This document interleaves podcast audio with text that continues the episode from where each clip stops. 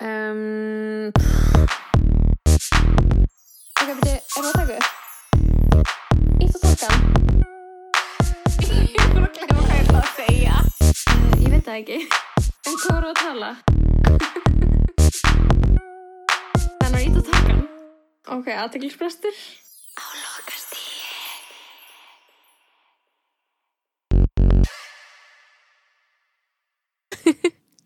Hello. Hæ, hvað segir þið?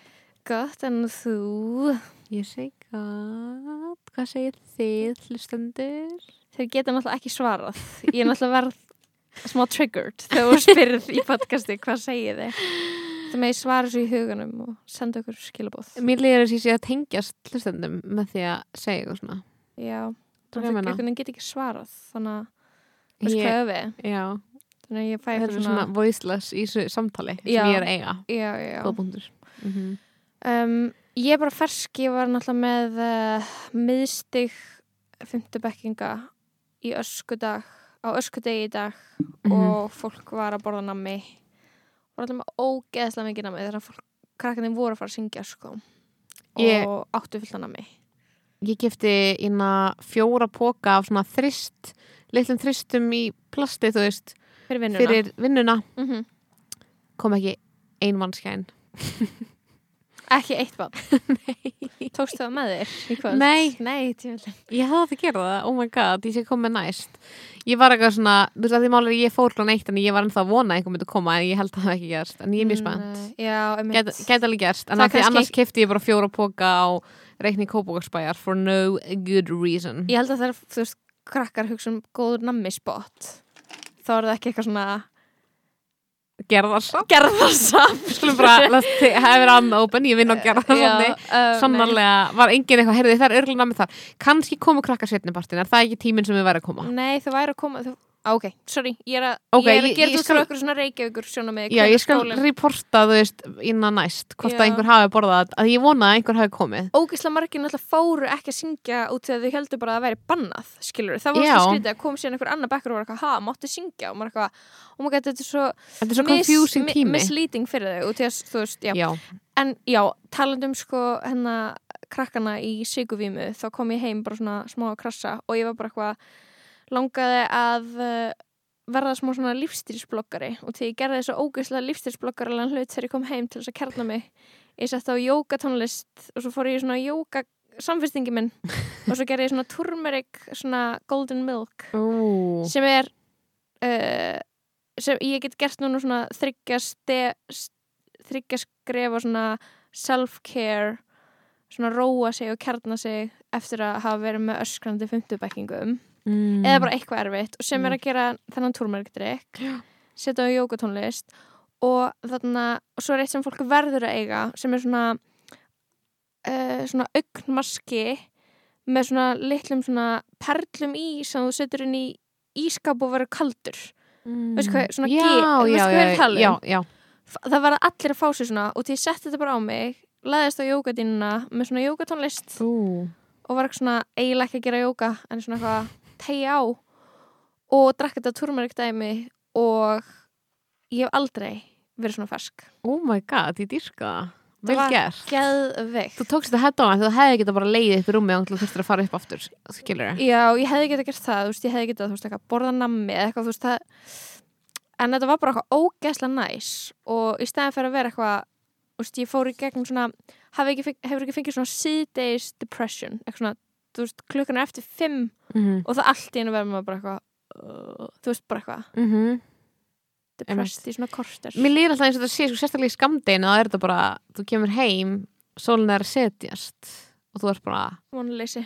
Það er bara vonleysi og þú er ógæslega þreyttur og svo ertu ekki bara orðin geða fersklegan átta já, eða nýju, þá ertu bara á I'm awake, bara aldrei verið meira vakandi en akkurat núna. Mm um, Já, ég var eitthvað svona Já, ég ætla síðan að gera seg, já, ég ætla bara að segja ítrekka, sorry, hvað ég var eitthvað stamandi er að allir verða að kaupa sér þetta dæmi í apoteki þetta kostar bara svona 1200 kall. Mhm. þetta augnmaska dæmi, Ok, þetta er mesta hax í heimi. Þú vaknar svo. þrútin og þú veist að fara í photoshoot Oh eða bara eitthvað, mála þig. Það er náttúrulega bara einn af hverjum miljón sem vaknar á mótnan og fer í photoshoot en ef það erst þú, þá verður það eitthvað svona. Þú veist, leinu fótusjút klukkan 7 fyrir máli. Do it. En já, þú veist, þetta er bara það sem er að gerast hjá mér. Ok, geðveikt. Þessu dagana. Um, Ég var að hérna basically, ég fór til tannlæknis þannig að núna á ég enga pening. Og ég skulda tannlækninu svona 100 áskall oh, og oh, ég var svo triggered. Ákveður er þetta ekki inn í helbriðiskerfun okkar? Ég þurfti að, já, ég var eitthvað svona að googla hvort það væri eitthvað sem myndi niðurgreiða tannlækningana minnar, það er ekki neitt nema sé barn eða aldraðir eða það er ókipsjás barn og það er ekki eins og Heyrði, og það sem líka áhugavert er að ég hef talað um, ég talaði um tannlæknarfæri líka einhvern veginn áður í podcastinu, mm -hmm. gerum mig grein fyrir því en málið er, ég er búin að þurfa að fara ógeðslega oft til tannlæknis síðast, síðast liðin svona ársfjórðung skilur eða síðast liðin svona þrjá mánuði skilur okay. um, að því að ég var alltaf að með fullt af einhverjum skemmtum ástæðan fyrir því er að þegar þú verður ólétt að vera gómanni einu svona viðkvæmari. Og hvað það er heimskuleg Já, og þannig er óslega algengt að þína konur bara eitthvað, basically getur ekki farið til tannis með óslega ólétt eða allan eitthvað tíma út af því að uh, það má ekki taka eitthvað svona myndir að þér þegar þú ert ólétt, eitthvað svona röngin eða eitthvað, ég man ekki. Ok, getur samt alveg að færa bara vennilega check Já, en það er eitthvað svona, ég man ekki Ekki í að láta myndatökuna kannski. ég að man ekki alveg hvað þetta er. En allavega þá hérna aðalástaðan er samt að þú mátt ekki fara veist óleitt og því að þá getur tannlæknin ekki reynt við þig.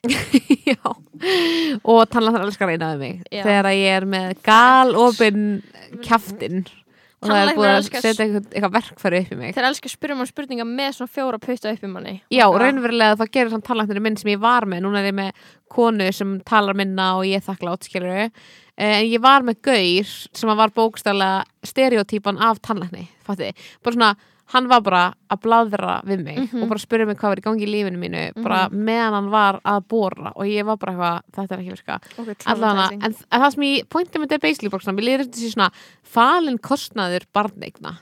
Ég þurfti sko aldrei að fara til tannlæknis áður þú veist, ég fóð bara í check á og til. Mhm. bara eins sjaldan ég komst upp með og það var aldrei neitt, ég bara var mjög heppin ég bara fekk ekki skemmt fyrir neitt, var 25 ára skilur Mhm. aldrei fengið skemmt. Nei, queen. Vel gert, nákvæmlega ekki eitthvað spöld En byrju, ég fatt ekki hvernig gómur er verið lélur og hvað gerist þá, ekki, byrjaði bara sko. að detta út eða þú fekstu verk eða hvernig fattar ég byrjaði að fá verk sko, málega er að þetta er eitthvað sem ég segja alveg hjá tannlækni sko. Og þú svona heyrir alveg um þetta en basically þá bara svona finnur ekki að mikið fyrir til þess að byrja svona að blæða oft þegar þú tampist þig. Ok, það gerist samt líka hjá mér. Já, en það byrjar svona að gerast meira skilur ert Já, ólétt. Já, og þá ertu já. svona, ok, something's up skilur ok, og, hérna, og þeir eru bara eitthvað svona að bólgnari örgla, eitthvað svona gómarnir eða eitthvað þannig. Bólknir gómar. Og þá mér lýri sér að segja eitthvað, segja eitthvað sem er algjört bylla akkur núna en Mér líði smá svona eins og þegar þú byrjar að segja þetta það væri smá svona eitthvað, varstu að tala um kollu grasalækni eða eitthvað annan svindlara? Skilur við, varstu ég á homopata? Eða þú veist, ég var bara eitthvað svona hvaða gerfi það. en allan var ég bara með fjóra skemmtir eftir barðspur skilur Já, og þú telur þig bara hefna something ain't right. Nei, ok, þú telur þig óhefna já, Þú telur þig mér finnst það hlunfarna skrítið. Af heilbríðskjarnir sérstaklega að taka ekki utan um ófyrska konur á betur hátt Ok, og, sorry, en bara að, þú veist, tannlækningar að þér, að þér skilur að mannslíkamann sé eitthvað svona ein heild og svo er eitthvað svona, við ætlum að hafa allt í heilbríðskernu nema munnurinn. Þið er að sjá um það sjálf. That's on you. Bara það, eitthvað það er fáránlegt. meinarðu? það er fáránlegt. Ok, ég elska, við erum með gest og við erum bara svona að halda gestinum okkar bara out of the conversation. Við erum bara eitthvað, gestin er komin nei, við erum basically bara eitthvað svona að vera bara í fyrsta lagi þá ætla ég segja að gesturinn okkar var fyrstur á staðinn og beð fyrir utan one on one Í svona 11 mínútur. Í allir myndir eftir okkur eh, eftir Lóa því Lóa með kortið skilur Já, hann að eh, þú veist, þú ég var líka sein. Hann að hún Ég beð keyrði fimm fram- myndir eftir mér. Ég allir myndir eftir að komast inn og uh, ég sagði hann ekki. Ég, ég spurði hann að hvort hann geti komið um kvöld, ég sagði hann ekki klukkan hvað. Oh þannig að hún þurfti að spurja mig í dag. Klukkan hvað klukkan hvað. Og svo þurfti að spurja mig að ég sagði hann ekki heldur hvað er þetta verið tekið upp. Oh my god, sagði henni fyrir hvað? Vissun að þetta væri fyrir þetta podcast? ég veit ekki. Vissun, veit hún um hvað við erum að fara að tala? Nei, ég er ekki um að segja um það. Oh en my það er alltaf leiðum fyrirgeðum því að við erum búin að vinkonu síðan vorum 13 ára. Já, við erum enn og aftur komnar í eitthvað svona djúpa nepotisma í hérna í viðmælanda vali. Já, en Þú málið er aftur í vinnhópin en, býtu, ég var að segja Já. eitt en það er nepotismina, skilur hún er líka að fara í svona átján önnu viðtöl um þetta annar staðar. Þannig að þetta Já. er sér, vissulega sérfræðing Þetta er sérfræðingur, málið er að við þurftum að fá einn sérfræðing Mér leiðir svo sem ég voru ógisla trega Ég var bara svona og þetta er örgulega búin að vera tregasta byrjun á hlætti hjá okkur. Og þú veist ég er bara eitthvað Eh, Viðmælandin er Greta Þorkilsdóttir Greta grafískur Ertu hönnur. hjertana velkomin í þáttinn og please byrja að tala og bjarga og, okkur og sérlegur breytið sérfræðingur Mér langar sem ég bara beðast afsökunar á þessu intro Ég hef svo mikið að segja um tannlæknumál, ég er náttúrulega með gerfitönn. Herðu, Oh my god Ég var Nú. tannlaus í heilt ár. hún var tannleysi ár, það var ógeð Það var mjög flott. komin. Nei, það var geggjað. Mér, mér finnst sko sem í að Greta hefði ekkert að fá sér framtönn, veist, hún var bara laus við með framtönn gerfi framtönn? Já, ég var ekki með framtönn í ár. og hún Þegar ég var gat, tvítug, það var hræðilegt. Og Að vera það versti aldurinn og hún gat tekið hana úr Þú veist, hún var með Ég svona, var svona gerfi góm sem ég verði að taka úr með því að borða það. já, hún þurfti að taka hana úr Ah. að borða þig þannig að þegar hún tók þannig að hún kom út þá leit hún alltaf út fyrir að vera svona fimm ára. Það var ógeðslega fyndið. Og hún var svona tvítug að reyna að vera nett og heitir sem maður vill þegar maður er tvítur en hún var bara ég var alveg. Hún nema ég þegar hún tók úr sér góminn og leit út eins og hún væri nýbúin að missa tönni sem var litið barn Ertu núna með ég fasta tönn? Já. búið að festa hann upp í svona borana? Já, það er búið að bóra í sko. Þetta var besta aðgerð sem ég hef farið í. Þetta Besta? er eina aðgerð sem ég hef farið í, enda á besta aðgerð sem ég hef farið í. Það er Eina ekki og mikið- besta. það er ekki mikið til þess að glæðja þig Það er bara eina aðgerð Já, Það trýta kretu í dag hún Láta hann fyrir aðgerð einhver tilbreytingi þetta tilbreytingalösa líf Mm, að fíla- bara fyrir ég- aðgerð. Ekkert ég gaman að láta bóra í hauskúpun á sér. Ég ætla að ákveða að þetta sé mjög lýsandi fyrir þinn persónleika núna. Að þú hefur farið í eina aðgerð og þú vil kalla hana bestu Ég aðgerð hef farið, ég hef farið í tvær. Mhm. og hinn var líka á þessari tönn. Já, ok. Það var ekkert aðeins nema í munninum og það kemur, það kemur aftur á punktum að þessi hluti líkamans er ekki treyður af sjúkratryggingum sem er fárulegt. Það er svo fucked up. Herru, veitir hvað ég var að ákveða á hann í bylnum og bear with me, en ég var að ákveða að, að það er svona þrýhyrningur sem ég sá á netinu sem var svona eitthvað uh, You ask them to bring coke to a party og það er svona þrýr möguleikar brings coke, cocaine brings Pepsi og brings Coca-Cola og ég var að ákveða að Salka kemur með Pepsi Greta kemur með cocaine og ég kemur með menjulegt Coca-Cola oh ég var bara my að ákveða God. svona, ei, að það væri þannig fyrir okkur. Ok, Ertu ósamála þessu? ég er ósamlega ég held að, ég held að Greta kemur Pepsi, ég kemur kókain Salka, nei. Jú, Jú, klárlega. Kókain? já, Klárlega. En þú veist svona- mhm, Þú ert eiginlega edru Nei, Salka er samt svona smá wildcard já. með þessu hluti eins og þegar hún var við þegar við vorum að sóla. Veistu, við vorum að sónar og ég tók sveppi Já, og og lest engan vita. ég let engan vita að ég hefði gert það. Það er ógæðslega að fyndið. það er svo hættulegt, ég mæla ekki með að gera það og því ég held sé alveg, En mér finnst það að vera meira Alveg ekki sniðut, en það er ekki hitt í að þetta var bara ekki þetta var bara ekki sniðut, Ok, ég að ég ætla að laga þessa tekningu ég veit að en frænka ætla með að hlustur stróka þátt og ég er bara að segja, þú veist, ég bara að segja að, að það er ekki sniðut og það er ekki, Litla frænka hlustar á þáttinn. Já Mm. en, þú veist, sem er tvítug, skilur Já, þá skiptir það engum máli. Ína, en nei, ég er bara að segja, skilur að Ef þú tókst sveppa og sónar þá basically Þú veist, þá veist basically mest edru manneskaðar ég veit það, en ég er að segja Greta Það er mest já, milli mín og Gretu er þú Greta að taka kókaínið? Já, ég er bara að segja í þessu scenari Ég er ekki að segja ég myndi einhvern veginn taka kókain með í partí Nei, En En, En þið af- eru báða samanlega að ég myndi koma með venjulegt kók. Já. Já, Yes, ok.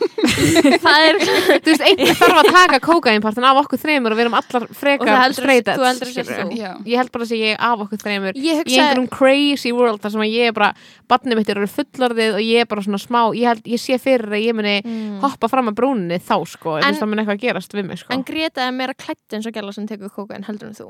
Þú ert klætt eins og gæla sem að Tekur um tíma. Tekur MDMA Greta klæði sig eins og hún sé að taka kóka kaffibarnum aðra hverja helgi In a good way og þú ert grafiskur hönnur og, og þú hönnur, er big. og þú ert grafiskur hönnur og ég held að skilur grafiskur er hönnur eru já. vanalega svona með kók í partíu Það er mín tilfinning. Er Mín tilfinning er að þeir séu bara Greta er Ég bara, er er. Mín tilfinning er að grafskar hönnur af, þau- af listgrænum Þeir þá fá þeir kók Já, Er já. það? Já, Það er samt Í, alveg, ef þú ert með LHI, skilur, hugsa um alla deildunar tónlistanemannir þeir fá ekki neitt. Sviðslist. Þeir fá, uh, veit þeir ekki fá gras sko, tónlistanemenni fá gras held ég. Okay. tónlistamenn Vá, fá síru. ég er svo eitthvað á því að ég var að hugsa, veitir hvað ég var að hugsa? sýru, ég var eitthvað, segir maður ennþá gras? Ég out of that fólk er að mikið að segja ganja. Fólk er að ganja. ok, þeir fá það Þeir fá fá sem ég ekki neitt því að þeir eru mest jú, stated jú, jú, jú, ekki hugsa þetta út frá okkar back. Já, þeir fá áfengi frá- held ég sko. Nei, ég, fíknefni, við skulum halda okkur við fíknefni. ok, ok. Fá þeir Sviðslist var ekki, klárlega spýtt. fli- sviðslist fær spýt leikarar fá þarna sveppi, ég veit ekki. Allavega það fá myndlist síru og grahu kók. Ég vil, Og vil argjúa að Graha fái spýtt af því að Graha elskar að vinna. Ek, ekki hugsa um hvað þau þurfa. Hug, hugsa þetta út frá árun, áru fíknefni síns og áru þarna deildarinnar en mynd, myndlist fær 100% þú veist, MDMA ég held að þau myndu fá síru, myndlist. Já, síru eða MDMA, það fyrir smá eftir svona Við höfst vera meira tónlistfólk fær síru og grafu fær MDMA. bara grahu MDMA Já. við hefum aldrei verið að ósámála um aldrei neitt ég, ég ætla að halda því fram ég hef aldrei séð hamingu saman grafiskan hönnuð. ég hef aldrei séð grafiskan hönnuð Nei, sem það getur mögulega að hafa snert vott af MDMA sem er já, Ég er ekki að sjá grafískur hennið hitta mig á hurra og vilja snerta mig skilur að þau eru bara, að ég elska þið svo fucking mikið. Það er engin grafískur hennið sem vil segja það við mig. það já, það er alltaf svo feimnir að þau þurfa sko kókain til að Það opna geta sig. að tala við fólk. Já, ég held það nefnilega. Greta er sko að fara að labba einn út í kvöld og taka kókain það er það sem er að gerast. Nákvæmlega. Hefur þú tekið kókain? Nei. Að bring- get that out of the way Við spyrjum alltaf gæsta þessu. Ok, en sko við erum ekki eins og búin að segja af hverju Greta Jú, hún er til að tala um þetta. Ég var eiginlega að taka smá executive ákvörunum og við ætlum að taka, taka fíknefn á pod og þegar þú veist, Greta er að fara í svona 17 önnur við til um þetta ok, á ég segja alveg ástæðan og Greta er í Alveg ástæðan er svo að Greta er uh, Britney sérfræðingur Já. Íslands. Mhm. sko hún er það út af því að, að það er alltaf að beða um að fara í viðtöl um það sama og við viljum fara, að fá hana til að tala um sem er alltaf pyrrandi fyrir okkur því að lestin get fucked skilur við erum á undan og við erum að fara að taka þetta upp á undan það er að fara að koma Patreon á undan að lestin kemur þannig að so sorry skilur Mhm. en að því að líka Það var virðingu- lestinni fyrir fjórum árum að tala um þetta líka. Ok, whatever. virðingu- með fullri virðingu fyrir lestinni Þetta er þá bara- hlustar enginn á það nema, nema ég ógísla mikið nema þú, já ógeðslega ég lust á mikið. hverju meginn sem að lestin er ögla Ó, ok, það var kannski bara ég sem hlust ekki lestina ég elska lestina, I Ég á ekki bíl, ég hlust ekki útvar. Vá, það er svo góð punktur Vá, Án gríns. Það er ástæðan. Þú varst ekki Já. bara að vera eitthvað að labba og bara Ég er til að tjúna inn á rúf. Ég ætla bara bara á rúf appi aldrei að fara að gera það. Oh my god, það er bara að þú ert í bílnum og ert að hlusta en ég er þetta alltaf með kveiktar ásætt heima sko. Ég heldur ekki að lestin þetta er að linna pod sko. Þau, þau eru á veitunum líka Er Þannig að þeir eru officially keppinautar okkar.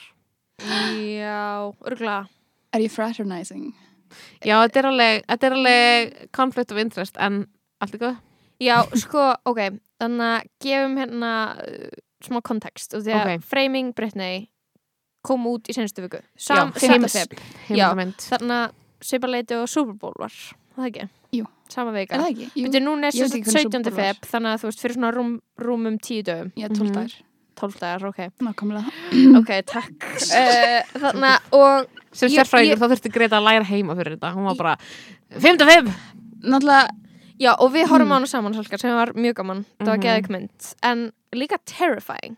Þetta er, er myndi sem allir eru að tala um sko. Og ég veit bara að Íslandingar eru svona smá straklu að horfa á þetta og þetta er eitthvað húlu dæmi. Og Mari Íslendingar eru bara eitthvað Pirate Bay. Hún er á Pirate Bay. Er Sorry, ég ætla ekki að vátsja fyrir að fólk sé að stela myndum en ég ætla samt ekki en að þú veist, ef þú ert desperate sjáu þessa skilurðu. mynd, þið verða að sjá þessa mynd Hún er skilurðu, geggjuð. hvað er það að gera? Hvað er New York Times er ekki eitthvað struggling artist skilur ok, allavega, já, er þess að New York Times framleysla og þetta er bara, þú veist, þetta dæmi sem að allir eru búin að spá í upp á síkastið sem er, skilur þessi conservatorship sem að faðir hennar hefur yfir henni -hmm. þetta er bara, þetta er svona grunn konteksti af, Mhm. a- af myndinni Mhm. og ég er bara eitthvað búin að vera gett hugsi út af því að mér veist bara mér veist maður bara sjá svona sí endur tekin mannréttindabrót sem er Mhm. svona, sem er svo insane út af því að þú hugsar, ef þú veist í mestu forréttindastuði heimi ættir þá ekki að þarna vera í uh, hafa einhvern veginn eiga allavega tækifur á því að vera ekki frelsisviftur Mhm. og, pe- og fjaflættaður skilur þetta þegar ég hugsa um mannréttindabrót og frelsisviftingu og svona fólk ráði ekki ein örlögum þá, hugsa maður um hælisleitindur og maður hugsa um fólk úr frá fátökun löndum og pólitíska flóttamenn og maður hugsa ekki um eina stærstu popstjörnu Mhm. se- okkar kynsluðar, mm Mhm. skilur það, mér finnst það rugglað Ég held að sko eina, wrap my head around that. Eina dæmi um aðra stjörnu sem hefur verið sem hefur verið í konservatorsipi er Shaja Gabor og það var gert þegar hún var að deyja. What? Það þeim var rosalega gömul. Hún var ógeðslega gömul. Ok, byrju hún var eitthvað svona 120 ára Ok, nei, hún var svona 90 ára, ég veit ekki. hún var mjög elsta manneskja í heimi. Hún var ógeðslega gömul. Ok, sem sagt þetta conservatorship dæmi, Oh Greta, getur þú útskýrst það, ertu búin að skoða það mjög vel? Já, ég fyrir eftir bara hversu detailed við viljum fara, en það var Ekki það. Ekkert það Jú, jú. Ok, það var sett á það er sem sagt pappinar aðna um hvað bað til að leita listna að hvað þetta að gera with the Britney problem sem að gerir sem að gerir, veist, þetta var þegar að þetta var bara byrjun ást 2008 um, held að bara verið já, bara 3. janúar eitthvað var hann fyrst lögðinn á spítala Mhm. í svona involuntary mental eitthvað hóldi, ég hef búin að lesa svo mikið um þetta á ennsku þannig ég er að fara að sletta, Mhm. ennsku Þannig í kjölfar þá hérna, þess að hún raka af sér hárið og riðist á bíl með Já, hún var búin að eiga þrjú mjög erfið ár þar sem að Mhm. þú veist ástændar fóru bara sífæstnandi og fólki kringum hana Já, sínum missi fóru á börnunum og þú veist hún lögð inn á geðdeild Mhm. uh, Fyrsta skipti þá var bara svona mjög stutt svona, eð, mjög svona bara svona mjög messy panic moment það var ógeðslega mikið af ljósmyndurum á vettvangi og þú veist það eru vídeo til af henni þú veist í uh, sjúkrabílunum á leiðin upp á geðdeild Mhm. sem þú veist sætnót var sínt í myndinni og ég svona, veit ekki alveg hvort sé eitthvað geð mikið til í að það footage sé út í Ég heiminum mista því mm. því mómenti í myndinni er, bara, það er mjög stutt en, Ok, en það er aðna en aðna, já, síðan þú veist er basically síðan líða, held ég, tvær, þrjár vikur og þá er hann afturlögðinn og það er bara svona mjög umfangsmikil aðgerð það er bara Mhm. svona þyrlur þau búin svona secure the air rights yfir svæðinu svo það séu ekki, þú veist, paparazziar í þyrlum að fljúa Mhm. yfir og þá sem sagt vaknar þessu hugmynd um að conservatorship verði til og pappinar aðna í leitast, leitar til þessu lögfræðinga og er eitthvað, getur við sett bara svona um, tímabundi conservatorship yfir henni bara svona til þess að bjarga því estate og bjarga henni svo sett eignum hennar og bara út af því að hún já, þá var ekki svona Já, hún var leitað þannig að hún gæti ekki haft sjálfræði og fjárræði og bara, þú veist, eitthvað svona, þetta er svona neyðurræði til að hjálpa ykkurum sem er mjög andlega veikur Mhm. Já, sem er líka Já. svona, þú veist það, það var pottitt fleiri leiðir sem hægt var að fara en þetta var leiðin sem að þau fóru allavega Af því það er alveg fullt af celebrity sem hafa fengið eitthvað breakdown eða þurft að fara í meðferð eða þurft að fara inn á hérna, geðhelbriðistofnun Mhm. En þetta hefur ekki náttúrulega verið gert. Já. og það er líka eitthvað svona, það er alveg í að í myndinni veist, það er hann að konan sem er iconic, sem er hann að gamla personapjana gamla personapíanana basically, Já. Ok, veistu hvað um hana? Hún er legend Hún Það er, er sem sagt báðar frá Kentwood Já, hún er sko örgulega bara einn besta koni í heimi. Hún er indisleg, Mhm. Felicia. Þú veist, ég veit af henni bara for years. Um, en hún, aðna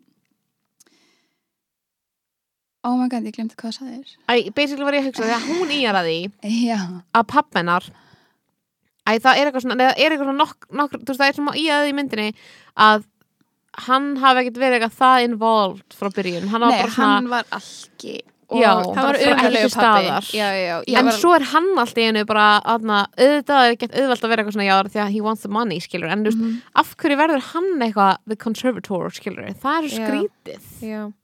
Út af því að þú veist, það er mál þetta er bara mála upp þannig svo skilur hann, hann fór alltaf ógæslega illa með peninga Mhm. Brittany fær fyrsta, fyrsta peningana sína byrja hann á því að láta mömmu sinna fá hús Mhm. og segir að þú veist, pappina með ekki koma nálægt í þannig að þú veist, hann hefur greinlega ekki fengið mikið kött af hennar velgengni Nei, þau áttu ekkert samband mjög lengi, sko. en þú veist, það sem ég þú veist, það sem ég skil ekki að það er eitthvað svona ósvöru spurning úr sér mynd þá er það basically, skilur það er eitthvað svona, það er eitthvað svona mála upp eitthvað svona, eitthvað aðdraganda því af hverju þetta gerist, skilur og það er kannski svolítið svona þú veist, það er rosalega mikið tala um eitthvað svona ytri áhrif sem að ít henni over the edge. Það er eitthvað Mhm. svona, hún eignast börn fæðingaþunglindi, skilur, það er fræðin og það er ekki bara fræðin, skilur það er bara Stanslust áriði break up yfir Justin pluss þá hvernig paparazzis og the Mhm. media tala um hana þannig að þú veist, þú komin með hann svona talaði um hana. já, og Mhm. tónlistamöndbandið og bara þessi sveik, skilur við þannig að það er Mhm. eitthvað svona mála upp eitthvað svona eitthvað svona um, eitthvað svona þetta er það sem olli, skilur við breakdownu og Mhm. maður er eitthvað svona þú veist, örgulega þetta átti allt sem hlut í því en það sem ég fattaði ekki alveg er bara eitthvað svona það er, þú veist, allir myndu brotna undan þessu álægi og minna, skilur við Mhm. þannig að ég eitthvað svona ég hefði viljað frekar skilur skilja þú veist, hvað hún var að gera sem var til þess að það þurfti svona mikið að svifta hann sjálfræði og láta hann fá eitthvað forráman, ég veit ekki hvað við höfum að kalla conservator á Íslandi veist, já, bara eitthvað svona af hverju, þú veist, var hún búin að eigða peningunum sínum eitthvað rögl, var það út af þessi Sam, creepy-gaur, var með henn út um allt, þú veist, hvað var, þú veist, veist þú svara við þessu Greta? Svona nokkurn veginn. Ok, Um, það er mjög flókið líka út af því að þú veist, þetta er allt svona ok, ég veist að lesa Rolling Stone uh, grein um Mhm. hana sem kom úr 2008 sem er einu ógislegasta lesning sem ég hef lesið lengi, sko, þetta er viðbjóðslegt er það með coverinu þar sem hún er Já, eitthvað, það- hún heitir eitthvað The Tragedy of Britney nei, Spears það er, þú veist, það er Já, svona já, bleika já, ég er að það miklu er eldra. Nei, nei. fyrr já, já, Nei, nei, þetta það er. Tragedy of Britney Spears um, umsrætt eða downfall í Já, og það er sem sagt gæla sem að, að blamaður sem heitir Vanessa eitthvað eitthvað sem að þú veist, treylaði bara alla paparazzinu bara reyndi að komast nálægt henni Mhm. og þú veist hún var bara eitthvað svona í bara mjög vondu ástandi mjög lengi, þú veist, hún var bara svona fór, Britney já, já. þú veist, þessi Vanessa var eitthvað svona að reyna að hafa upp á henni og það virka aldrei hún náði að tala við bara rosa mikið að paparazzi um og svona Mhm. og eitthvað svona ógislega toxic eitthvað LA business típum sem er bara umlar Mhm. sem að hvað voru þá að hanga með Britney eða já, bara svona ógislega mikið af vondu fólki sem var að reyna að þú veist, hafa hann pening eða Mhm. aðtegli eða eitthvað Mhm. um, og þú veist, það er alveg það er ógislega margar sögur um eitthvað svona eitthvað hún mætti í photoshoot og þú veist að vera fimm stílastæðar fimm make-up-artistæðar, eitthvað fimm ljósmyndirar svo voru allir að rukka hana. Sem var allir að rukka hann alltaf og, en þú veist, þurfti að vera ógislega margir ef hún skildi ekki að lítast vel á eitthvað einn. Mm. um, þú veist það var eitthvað svona geðið mikið security fyrir það og eitthvað svona hún Ó, hafi ok. mætt og stólið fötum og hérna, Britney? Já. Og eitthvað svona látið hundi sinn kúka og eitthvað gett dýran kjól eða eitthvað svona en mér finnst alltaf vera eitthvað svona smá tæft að tala um það út því að þú veist þetta er svo ógeðslega mikið svo mikla sögursegnir já. svo mikið rumors og maður er svona auðvitað er þetta fólk að fara að sjá það versta í Mhm. aðstæðinum eitthvað svona auðvitað er þau bara svona að reyna að finna bara svona að finna geðvikustu útgáfuna af Mhm. atvikinu já, já, ég sá hann einu sinni gera eitthvað svona skrítið já, eitthvað svona einu sinni þá eitthvað rann kortin ekki gegn og hún sagði fuck. Já, þú já, já, en þú veist, Ekki út í- þannig. ég skil nefnilega ekki það, Þú- það þú hljómar hún eins var og líka að keira um eitthvað svona með hárkollu og tala um berskum hreim og þú veist, eitthvað svona alls konar eitthvað svona hluti sem að þú- fólk segir eitthvað svona, um, geðveik. Já, hún Sem var ég eitthvað byrju, þegar hún er að flýja paparazzi já, ok, en þú veist, auðvitað en þú veist, það sem, já, það sem ég skil ekki er að þú veist, ef hún var svona inn að gæsalappa geðveik, en, er, Mhm. en ekki geðveik og fjölskyldan hennar og fólki í kringum hana er búið að vera gjörsamlega quiet yfir þessu, vitið hvað við Mhm. þannig að eina sem ég hugsaði þú veist, ef ég ætti bara svona 100% að vera svona devil's advocate og leita að eitthvað svona gloppu í málflutningnum Mhm. þá var ég gett eitthvað svona ok, þú veist, kannski er bara svona stöf sem að fjölskyldan er keeping quiet út af því að þú veist það væri verra fyrir Britney að það myndi fréttast Mhm. en þú veist, út af því að það er líka allt out there Já, en þú veist eins og á hvað er mamminar? Veit ég hvað við? Þá er maður Mhm. eitthvað svona, ef að pappin er svona mikið vondikallinn, okkur er þá ekki allavega með ala í mömmunar, okkur er mamminar ekki búin að vera advokata fyrir henni, okkur er mamminar ekki búin að fara með þetta í fjölmila, eða er- hennar, Hún skrifaði sko bókum þetta Ok, það sem- kom ekki fram í myndinni. Nei, Ok, En- ég er að byggja alla mínu upplýsingar á, á myndinni. Þannig já, það, vant, það eru sko ó, frekar stórar glöfur í myndinni okay, þannig að mamman er búin að skrifa bókum þetta þar sem hún talar um þetta, þetta óriðlæti. Talar um þetta Já. tímabili eða hvað, Hún þetta talar slæma um tímabili Tímabilið. Og hvað, ég held hún, hún hétt eitthvað svona The Trouble eitthvað, oh, vá, ég manna það ekki Ok, En það var allavega þú veist, hún er alveg búin að tjá sig um þetta Mhm. en svo held ég líka þú veist að eftir að, og þetta er bara mín kenning, Mhm. eftir að conservatorshipið var sett af stað já. Þá þú veist, það eru bara örgulega insane eitthvað svona non-disclosure agreements í því.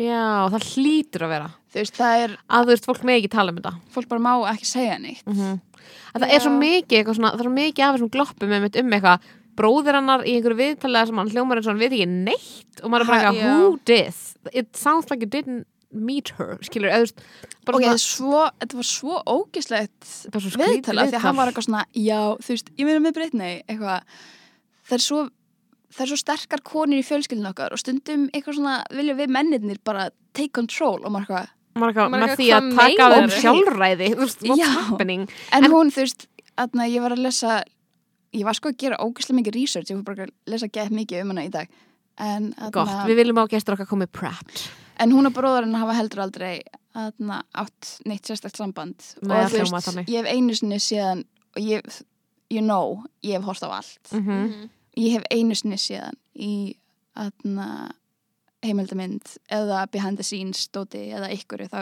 eitt skipti og þá kom hann inn í trailerinn og sagði hello loser -hmm. Hann, já í ykkur er svona hann í eldri börðunar? Ég vissi ekki að hann væri til fyrir hann, í, veist, fyrir hann kom í þessu viðtali Nei, ég sem held að ég það væri hafði bara séð Jamie Lynn, sko. Já, ég Já. held líka að vera bara Jamie Lynn Hversu leim er samt, heitir mamman er ekki Lynn og pappin er Jamie og Jú. svo er þetta yngsta dótturinn Jamie Lynn ég er bara eitthvað, okkur er það ekki svona pirrandi fyrir okkur ok, sko er þetta samt ekki eins og En- Willow og Jaden Smith Jú, það er líka sækó. En, en hérna, hvar stendur hvar heldur þú að mamman standi núna með þessa hluti? That's what I wanna know. Sko mér langar að kvóta Adam Streisand Endilega. í, sem lögfrængur sem hún ætlaði að fá. Já, og hann sagði but we don't know what we don't know. En mér líður eins, sko, tilfengi mín fyrir Lynn Spears sem mamma hennar er að hún sé bara eitthvað svona algjör meðvirknis sáttasemjari mm eitthvað svona bara reyna að halda rónni geðvikt mikið. Mhm. og þú veist það bara hennar main goal núna. Og hefur verið þú veist sinnistu 13 árin sem þetta hefur verið í gangi. Já. 13 ár. Það er 13 ár. Þetta er insane, sko. Mm -hmm.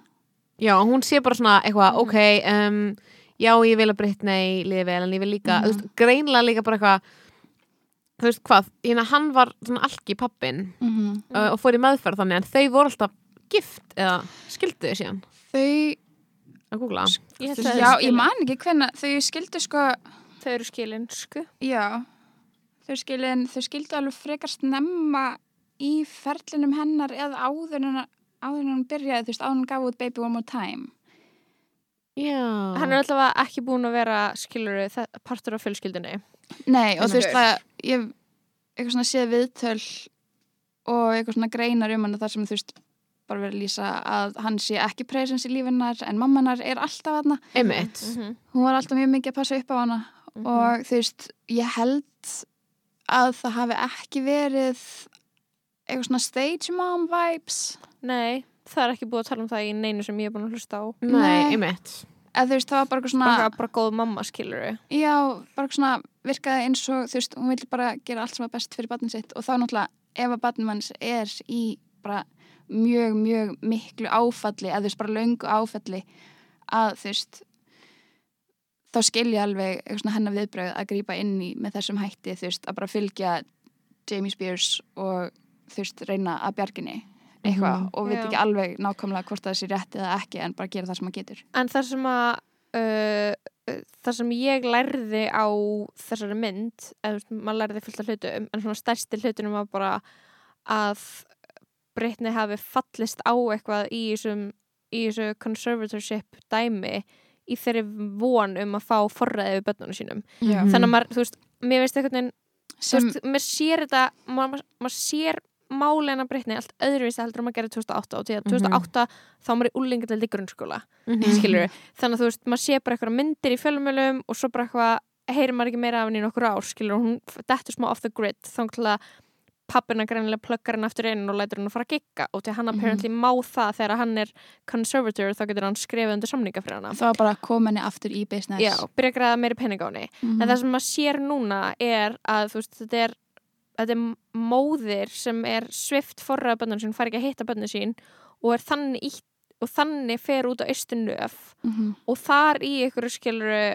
algjöru vonleysi þú veist, reynir að fá að vera með bönnun sínum aftur þannig að þannig þú veist, allt það mál maður sér það í gegn þau gleru skilur, maður sér Mhm. það, þú veist, ég sé Instagram hennar öðruvísu núna, Mhm. þú veist, núna maður veit skilur að, þú veist, það getur enginn tala við Mhm. þú veist, hún er ekki í tengingu við neitt Mhm. hún er bara cut off from the rest of the world í basically stofufangilsi heimi á sér ef hún er ekki stofufangilsi þá er verið að skamma hana fyrir að gera eitthvað hluti sem hún er að gera eða þú veist eins og þarna 2019 eða byrjun 2020 þegar hún er aftur involuntary sett á, á hérna eitthvað eitthva Mhm. mental facility Mhm. að þú veist maður sér þetta núna sem bara eitthvað ég er bara eitthvað að horfa á hana sem mömmu Mhm. sem er að reyna bara hvað sem hún getur til þess að vera með börnunum sínum Mhm. að þar er hún kannski, þú veist stilt upp eitthvað vegg og tekur eitthvað ákvarðanir sem að þú veist, maður myndi aldrei taka nema bara út af því að þá held, er hún vissum að þá fá hún að vera í kringum börnin sín eða eitthvað, Mhm.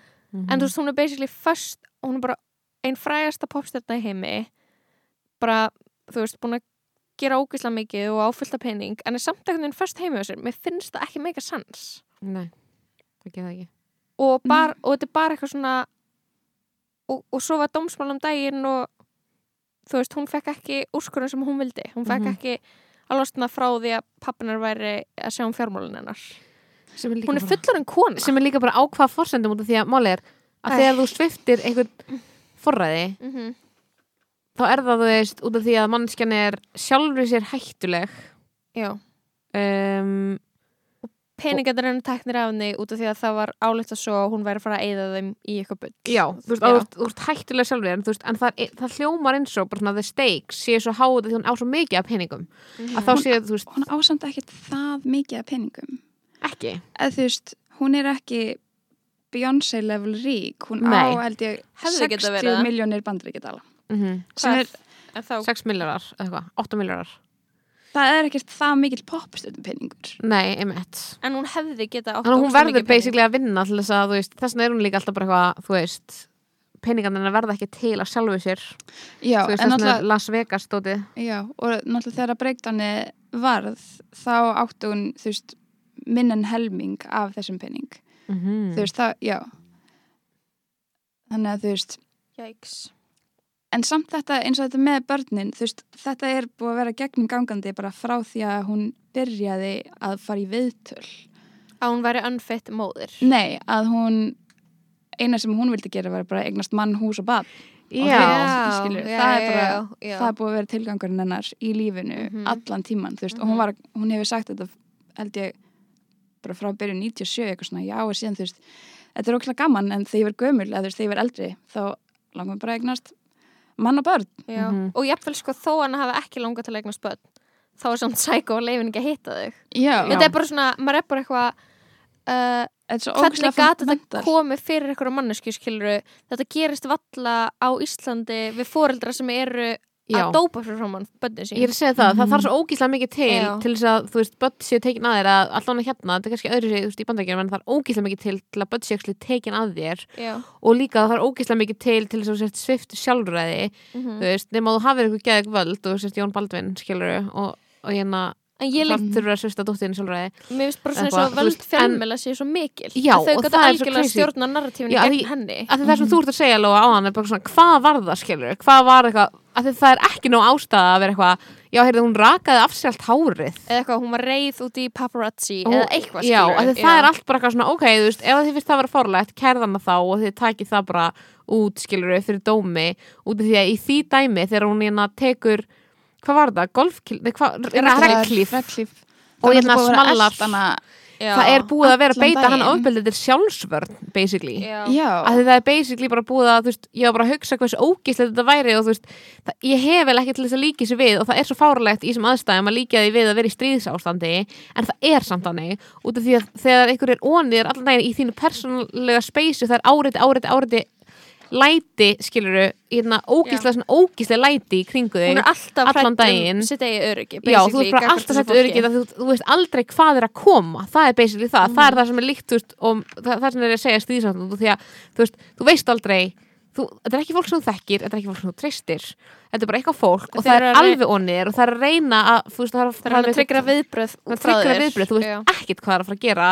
Þú ert basically í ástandi þar sem þú ert bara mjög óörugur þannig að hérna, þú, veist auðvitað ertu bara eitthvað, mínu öryggi er ógnað og að þú átt vorum að tala um hana þegar að Björk, hana vídjóið að hérna, Björk með són sinn á flugvelli og hún ræðist á ljósmyndara Já, að var- um var við eitthvað- að um og það Já. átti að vera eitthvað svona það er vídeo sem að YouTube, sjá hvað hann klikkuð hún er svo ógeðslega eina fárlega viðbröð þú veist, Mm. ef einhver er að fara að ráðast á mér á flugvell og ég er með barnið mitt þá er mitt instinkt að ráðast á mannskjöna af því það er, skiljið, þú veist, þetta er bara, svona, þetta er bara eðlilegastu viðbröð í öllum heiminum sorry, þetta er bara Mhm, mhm. fer svo í töðunar á mér eitthvað svona að, að þessi fárlegt að horfa á þetta og hugsa bara eitthvað, ok, þarna er bara móðir með barnið sitt að reyna að komast í burtu skilur Mhm. og þú ert ekki að leifa henni á því því finnst þú hafa eitthvað rétt á því að hérna, þú veist, fá að taka myndir af henni og hún svari þér einhver svara einhverjum ridiculous spurningum sem þú ert að öskra í áttilinnar Já, þú veist, og svo líka bara eitthvað ef við erum að tala um skiluru uh, þú veist, hugmyndir sem var sköpu um breytni, skiluru, bara svona þegar að hennar ímynd, skiluru, bara rann henn úr greipum, skiluru, og fjölmjöla Mhm. fóru bara svona að mála eitthvað mynd af henni þú veist það er svo styrlað hvað það gæti ekki gerst í dag mm -hmm. það skrítið að horfa á þetta núna, bara þessu ári og vera eitthvað Mhm. People, Vanity Fair Time, þú veist New York Times, Rolling Stones og bara eitthvað öll hins síðan drast þannig að gulupressublöðin líka, Mhm. skilur bara, sem var bara Mhm. endalaust, skilur þau gætu, þau hafa ekki svona mikið völd Mhm. um hvað okkur finnst um fólk Nei. skilur, já, það kemur eitthvað svona eitthvað, Ben Affleck eitthvað fullur kemur eitthvað mynd á hann, maður er bara eitthvað það lesið enginn, Mhm. það er allum sama Mhm. Og það geðið skrítið að horfa tilbaka og vera bara eitthvað þarna, þetta voru einu leiðin okkar til að fá fréttir af stjórnum, Mhm. skilur, og voru ekki, bara voru ekki á samfélagsmiðlum og líka bara eins og munurinn á því þú veist þegar hún var lögð inn 2008 og þegar hún var lögð inn 2019 eitthvað svona, Mhm. það var þú veist, já það var alveg svona smá fjölmiðla þeng var þetta ekki, var þetta byrjun 2020 eða 2019, ég man ég, ekki máli. ég, það er alltaf svona cirka ár síðan. Já, rúmt, skilur já þegar eitthvað svona hún týndist. Eða þú veist, það var það svona ná- enginn heyrði frá það- hann er það náði Britney? enginn já, og þá akkurat. byrjaði þetta Free Britney, hashtag Free Britney Movement. Byrjaði Mhm. þá. Það byrjaði 2009 ó, en það, Free Britney. það vissi enginn af því, það tók enginn eftir í nei það var ekkert búið að vera þeng nefnum bara hjá the superfans. En- en þá byrjaði free, free Britney from the conservatorship bara. Já, það byrjaði bara strax Mhm. þú veist á að ég um, sem ég hef stundum farið inn á. Nei, ég var- er ekki það oft. alveg ekki verið mikill partur af því, ég var meira anyway, back in the day. Back in the day. En aðna, nefnir bara svona munur á því að þú veist þá það var engin eitthvað svona uh, breytnin eftir hún geðveik. Mm -hmm. mér er svona veist- það aðdóndur velta fyrir sér hvað hefur orðið að henni, þá var Já. fréttaflutningurinn á Já, já. Íslandi Já, og held ég er bandaríkjunum hún? líka og þá, þá kemur út eitthvað podcast Eitthvað, þar hvað er sem- búið að gerast en þa þetta er það sem mér langar líka að spyrja þau út í út því að þú veist, Mhm. ég þarna það voru allir Britney fans þegar voru litlir skilur Mhm. og svo bara eitthvað 2008 og maður er eitthvað úlingur og þetta er í gangi og maður er eitthvað uh, þú veist, allavega leið með þannig. Mhm. ég var smá svona eitthvað, skoðaðu Vá, eitthvað er gangi? Hilton? Skoðaði ég Paris Hilton? Já, síðuna Já. hans. Alveg einstaka sinnum. Sækódæmi, ógislegt dæmi ég sko skoða þetta á hverjum einsta degi. En- en ég með pæ- skoða alveg frekar mikið. ég er með pælingu Já. nefnilega, skilur hvernig þú veist um, hvernig ég held að flestir hefur bara haldið að hún hefði átt sitt breakdown, mental breakdown. Mm -hmm. og hún væri bara enga veginn eitthvað svona ennþá ekki með sjálfræði og fjárræði. Mhm.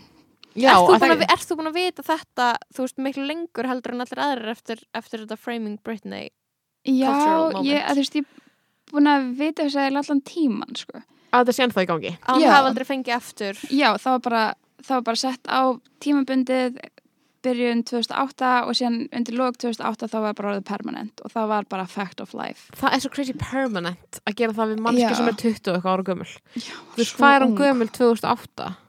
Hún er 27 ára. 27 ára Hún er yngri en ég. Já, Hún er, bara já. einhver verður núna bara hefur þú það heimsálfræði for the rest of your L og ég meina fullt af fólki, þú veist á þessum aldri á einhvers konar mental breakdowns og einhvers konar, tímapunkti Mhm.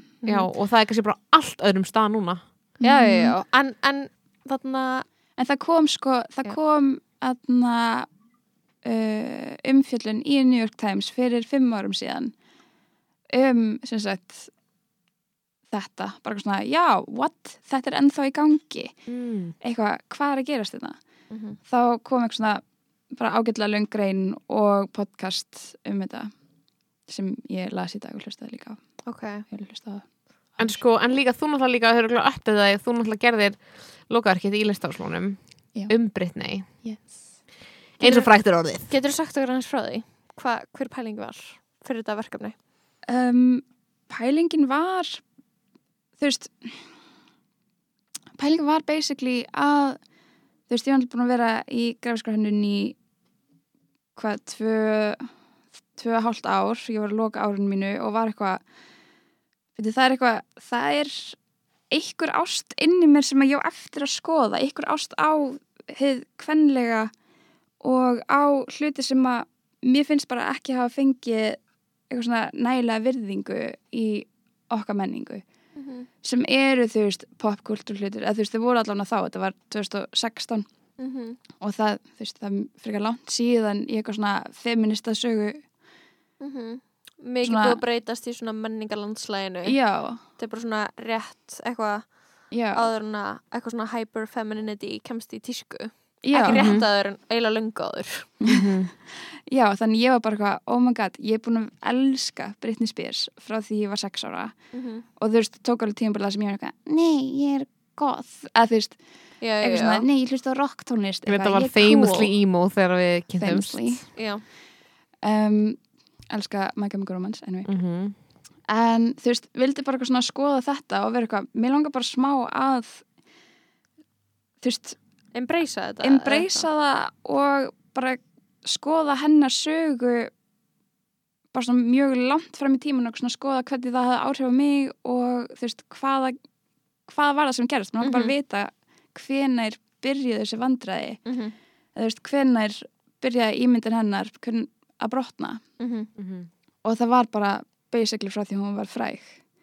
Já, ok eða þú veist, það var sem í það sem ég kom stað sem ég var sko mjög vel gert í myndinni er að Mhm. þú veist, þau portreyið, þú veist, hvernig fólk talaði við hana ógislega vel Mhm. já og accurate líf fannst mér og þú það hvernig hún er sexualiseruð bara frá byrjun bara Já. hvernig frá byrjun einhver er eitthvað að allir að tala um brjóstina þér og eitthvað, bara eitthvað viðbjóður hún var látin sko, sko. Er hún var einhvern veginn gerð ábyrg Nei. fyrir skiluru um, svona sexualiseringu þú veist, sko, hún var aldrei eitthvað svona á mót, veist, hún var aldrei með eitthvað virgin vibe, skiluru nei, en hún var eitthvað svona, það var alltaf eitthvað svona herru, nú er fólk horny út í þig það er þér að kenna? Bókstaflega. svaraði fyrir það, mér finnst það ógeðslega skrítið má ég lesa fyrir ykkur En einhver veist það- setningu? Guð var að vera með 90s. húslestur. já, Ég go ætla- for it upp úr, upp úr bókarkinu sem gerði í Er þetta er á ennsku okay. en ég ætla að lesa með mjög íslenskum æði Britney Spears extends a honeyed thigh across the length of the sofa, keeping one foot on the floor as she does so. Her blonde streaked hair is piled high, exposing two little diamond earrings. Eitthvað, the baby fat logo of Spears' pink t-shirt is distended by her ample chest and her silky white shorts, Ói, with dark blue piping cling snugly to her hips. She cocks her head and smiles receptively. Þetta er öll hvaða perralýsing. viðtölin. þetta er eins og fokkin Þú veist- erotísk fanfiction. Já, Ég veit það, þetta er bókstala fanfiction og líka Æi. út af því að allir, þú veist, allir viðtalendunir, viðtalendurnir, við mælendunir, Við- nei, nei, nei, fólki sem er að taka viðtölin, já, þau inserta sig, ok, ég ætla bara að segja þeir, þetta er bara kallmenn, já, þeir inserta sig inn í viðtalið, þeir eru að, þú veist, bara svona að upplifa sína mestu svona já, eins og aðalsögu heitur í erotískri hún er náttúrulega, hún Já. er gorgeous er? Britney Spears er gorgeous mm -hmm. uh, það var eitt sem ég hugsaði í þessari mynd ég hugsaði, ég fekk gæsað hún okkur sinnum einu sinni yfir því eða nokk, eiginlega oftast yfir því hvað hún syngur ógeðslega vel Mhm. þess að fyndi þegar það er búið að vera að segja eitthvað við mann um eitthvað mannesku, ógeðslega lengi þú veist, hún er næstu því hætt að vera fræg fyrir að vera það sem hún fræg, Hæfileikarík. fræg fyrir það sem hún er góð í Já. sem er, og það er bara skilur það leikur engin vafaði, hún er bara stórkustlega sönguna Mhm. og þú ert meira farin að hugsa um eitthvað svona hvað hún er klikkuð og þú ert Já. bara að gleyma því af hverju þú elskar hana fyrst skilur Mhm. sem ég finnst er það að Felicia sagði þetta í myndinu og var bara svona, mér langar bara að minna fólk á af hverju þau elska henni til að byrja með Mhm. sem er bara, og hún er Ah, bestust okkar Hún Felicia er- ok, bestust Felicia bestust Britney. Bara Mhm. ógeðslega næs, hún er aldrei þú veist, ógeðslega góð manneskja. ógeðslega góð mannskja hún hefur í alveg aldrei sagt neitt slæman hlut um neitt í er satt. Þú veist, hún hefur aldrei verið eitthvað sjúklega problematic, þú veist, mest problematic sem hefur gert er bara eitthvað I'm a slave for you lagið, Mhm. sem þú veist já, hún er líka, eða þú veist þetta er líka, hún er eitthvað 90s popstjarnar skilur já, og hún hefur náttúrulega ekkert fengið að taka þátt í einhverju, diskursi skilur og það var heldur ekkert verið að krefast þess af, af popstjörnum en svona, mér finnst svona besta dæmi um bara hvað hún er góð er bara eitthvað, hún er bara ógeðslega sweet, hvað er íslensk orðið fyrir það? Hún er ógeðslega svona blíð, indæl og eitthvað svona Já. gjafumild, gefur með sér og bara eitthvað, þú veist ógeðslega respectful einhvern Já. veginn. Mhm. en líka svona þú veist, mér finnst magnað líka bara að um, vera eitthvað neina að velta í fyrir sér í svona mynd bara eitthvað uh, að við veitum ekki allar hennar vittir, við þekkjum hann ekki við höfum aldrei fengið að kynnast þeim Mhm. við þú veist, hún er alltaf spurð sömu ömulegu spurningunum, það er alltaf Mhm. fjallað um sama ógeðslega yfirborslega þegar fjallað um hana, að það er bara svona já, og svo velti maður fyrir sér þú veist, þau fórum strax að skoða Instagram en eftir þetta Mhm. maður er eitthvað út í að hún er kúkulúlu á Instagram. En hún Hún er eins alltaf og að segja það. fallega hluti og Hún hún er svona algjör dúlla. Já, hún er líka algjör eitthvað svona er alltaf að gera eitthvað dúllega hluti. Málið er ég man þegar ég og Greta vorum bara vorum hopeful um líf Britney þegar við vorum að sko Instagram með hennar. Mhm. og hún var alltaf að mála myndir. Og ég var bara, ég er svo glöð hún svo að mála myndir. Því að þú veist það er svo gaman og hún sé bara að finna eitthvað creative outlet skilur Mhm. í sínu, sínu dúllu lífi og hún var ofta eitthvað svona, þá var hún um Instagram með sko strákan sér já, eitthvað setja þá í Mhm. story. Og verið eitthvað algjör dúlla Þau voru alveg mjög oft bara í postum og Já, stories og þannig að þá var maður bara, ok, þetta er næs hún er bara að chilla um börnunum sínum. Eitthvað. hún er working out in the gym that burned down já, skilur hún er svona I burned down my gym. I, I lit two candles and one thing led to another. because I, I burned down my gym and that makes you learn that So, you shouldn't anyway. light candles anyway. Nei, hún, hún útskipta líka hún er eitthvað svona I burned down my gym I lit two candles and one thing led to another. Og, svo, og maður er eitthvað one thing led to another. Bara hvað gerðist? Hvað geta tvö kerti hvað geta tvö kerti gert í líkamsrættastöð bara, já, Ég líka bara Hún er eitthvað mjög kósi þessu líka þessu Það er eitthvað svona gardínin staf okay. ok, I love. En þú veist, er þetta ekki bara heima hjá henni eitthvað? Jú, já, en líka jú. bara að fyndi það bara svo margt sem er eitthvað svona, hún er með iconic eitthvað svona, líka í þessu dóti þegar maður er svona hrættur um hana, skilur Mhm. þá er maður bara eitthvað, ha, út af því að þú veist þetta er svo ógíslega, þetta meikar ekki, lang, það er eiginlega ekkert sem mig langar meira að vita, ég er svo ógeðslega forvitin Mm. um þetta dæmi. Bara svona, hver er að setja á Instagram af því að hún augljóslega sér ekki kommentin sem fólk er að setja hún er ekki fólk á hún er ekki miðlunum interakta, hún er ekki að kommenta tilbaka eins og allar aðra stjórnum gera Mhm. Mhm. eru að replæja á valin komment uh, love you, du, du, du, þetta, du, du. mhm. hún er augljóslega ekki að því og alltaf eru þessum vídeo sem hún er að setja sem hún er að svara einhverjum ridiculous spurningum hún er eitthvað I got some of the questions that you've been asking and I picked out some of the ones that you want to know the most what is my favorite color? Yellow cause maður bara, hvað, hva, hver er að segja við þig að fólk sé að spyrja þessu, að það er enginn að spyrja þessu fólk er bara eitthvað, are you okay? en málið er að það sem er eitt sem að mér langaði að mikið að tala um sem að mér finnst óslega crazy Mhm. er að ef einhver er að stjórna Instagraminu hennar þá er hann fucking lélegur í að covera upp að það sé eitthvað skrítið í gangi Þú veist hvað ég meina? Ég er bara svona, hvað, þú veist ok, segjum að þú með hérna heiminn sem er bara svona mjög mikið af fake dóti í gangi, bara svona fólk er að búið sér bara fake personas, skilur á netinu. Það er allir með curated Instagram Það er allir Já. með manneski Það er allir með social media expert sem sér um Instagramið. Beyoncé er ekki bara naturally ógeðslega góða Instagram. Nákvæmlega, Hún er það með er bara grafiska hönniði og ljósmyndara skilur við einmitt, Já. en þú veist, hún er bara að presenta svo skrítið dót. En ég það- held, við, það meikar samt, sko, já, hún er að presenta mjög mikið skrifnum dóti, en hún hefur líka, þú veist, það er eins og hún hafi tekið ákveðin um að bara ekki interakta við neitt. já, já, já. Heldur hún hafi tekið ákvörðun eða er hún forced og því að það er ekki við skynni myndinni Góða pæling. sko, Nei, að veist, já, já, Mm. það gæti alveg verið, en þú veist, að því hún er eitthvað, um, hefur ákveðið, eða einhver hefur tekið ákveðin fyrir hana, að þú veist, bara ekki kommenta á neitt, mhm ever, þú veist, hún talar ekki við neitt. ég, ég trúi því bara mjög staðfastlega að hún sé ekki einhvern appið í símanum. Mhm. Samt, Skilurðu sko, mig? samt, ok. E- eitt bara, öll ef við erum öll deep diving kom inn öll Mhm. vídeo sem kom inn eru svona vi- Instagram-vídeó uploadu inn á Instagram skilur já, já, þú veist, hún er ekki að posta í story og, og setja eitthvað polls eða eitthvað, eða skilur Einu skiptin sem hún postaði í story er bara eitthvað svona að promóta eitthvað, Mhm. mhm eitthvað plötu eða eitthvað þannig. Já, veist, en samt er þetta stundum svona eins og stundum að setja myndir þar sem eru fjórar alveg eins henni og hún er búin að setja mismöndi filter á þá. Það er- svona, þessi mynd og þessi mynd aftur nema og, smá og þá er ég eitthvað, mér liður eins og hún sé símanum sínum og hún megi verið með filtera. Fattu hvað ég meina? og hún sé bara, hún getur verið í símanum að taka eitthvað content og svo eitthvað annar content smá þannig. Eins og hún megi ekki verið með neti í símanum.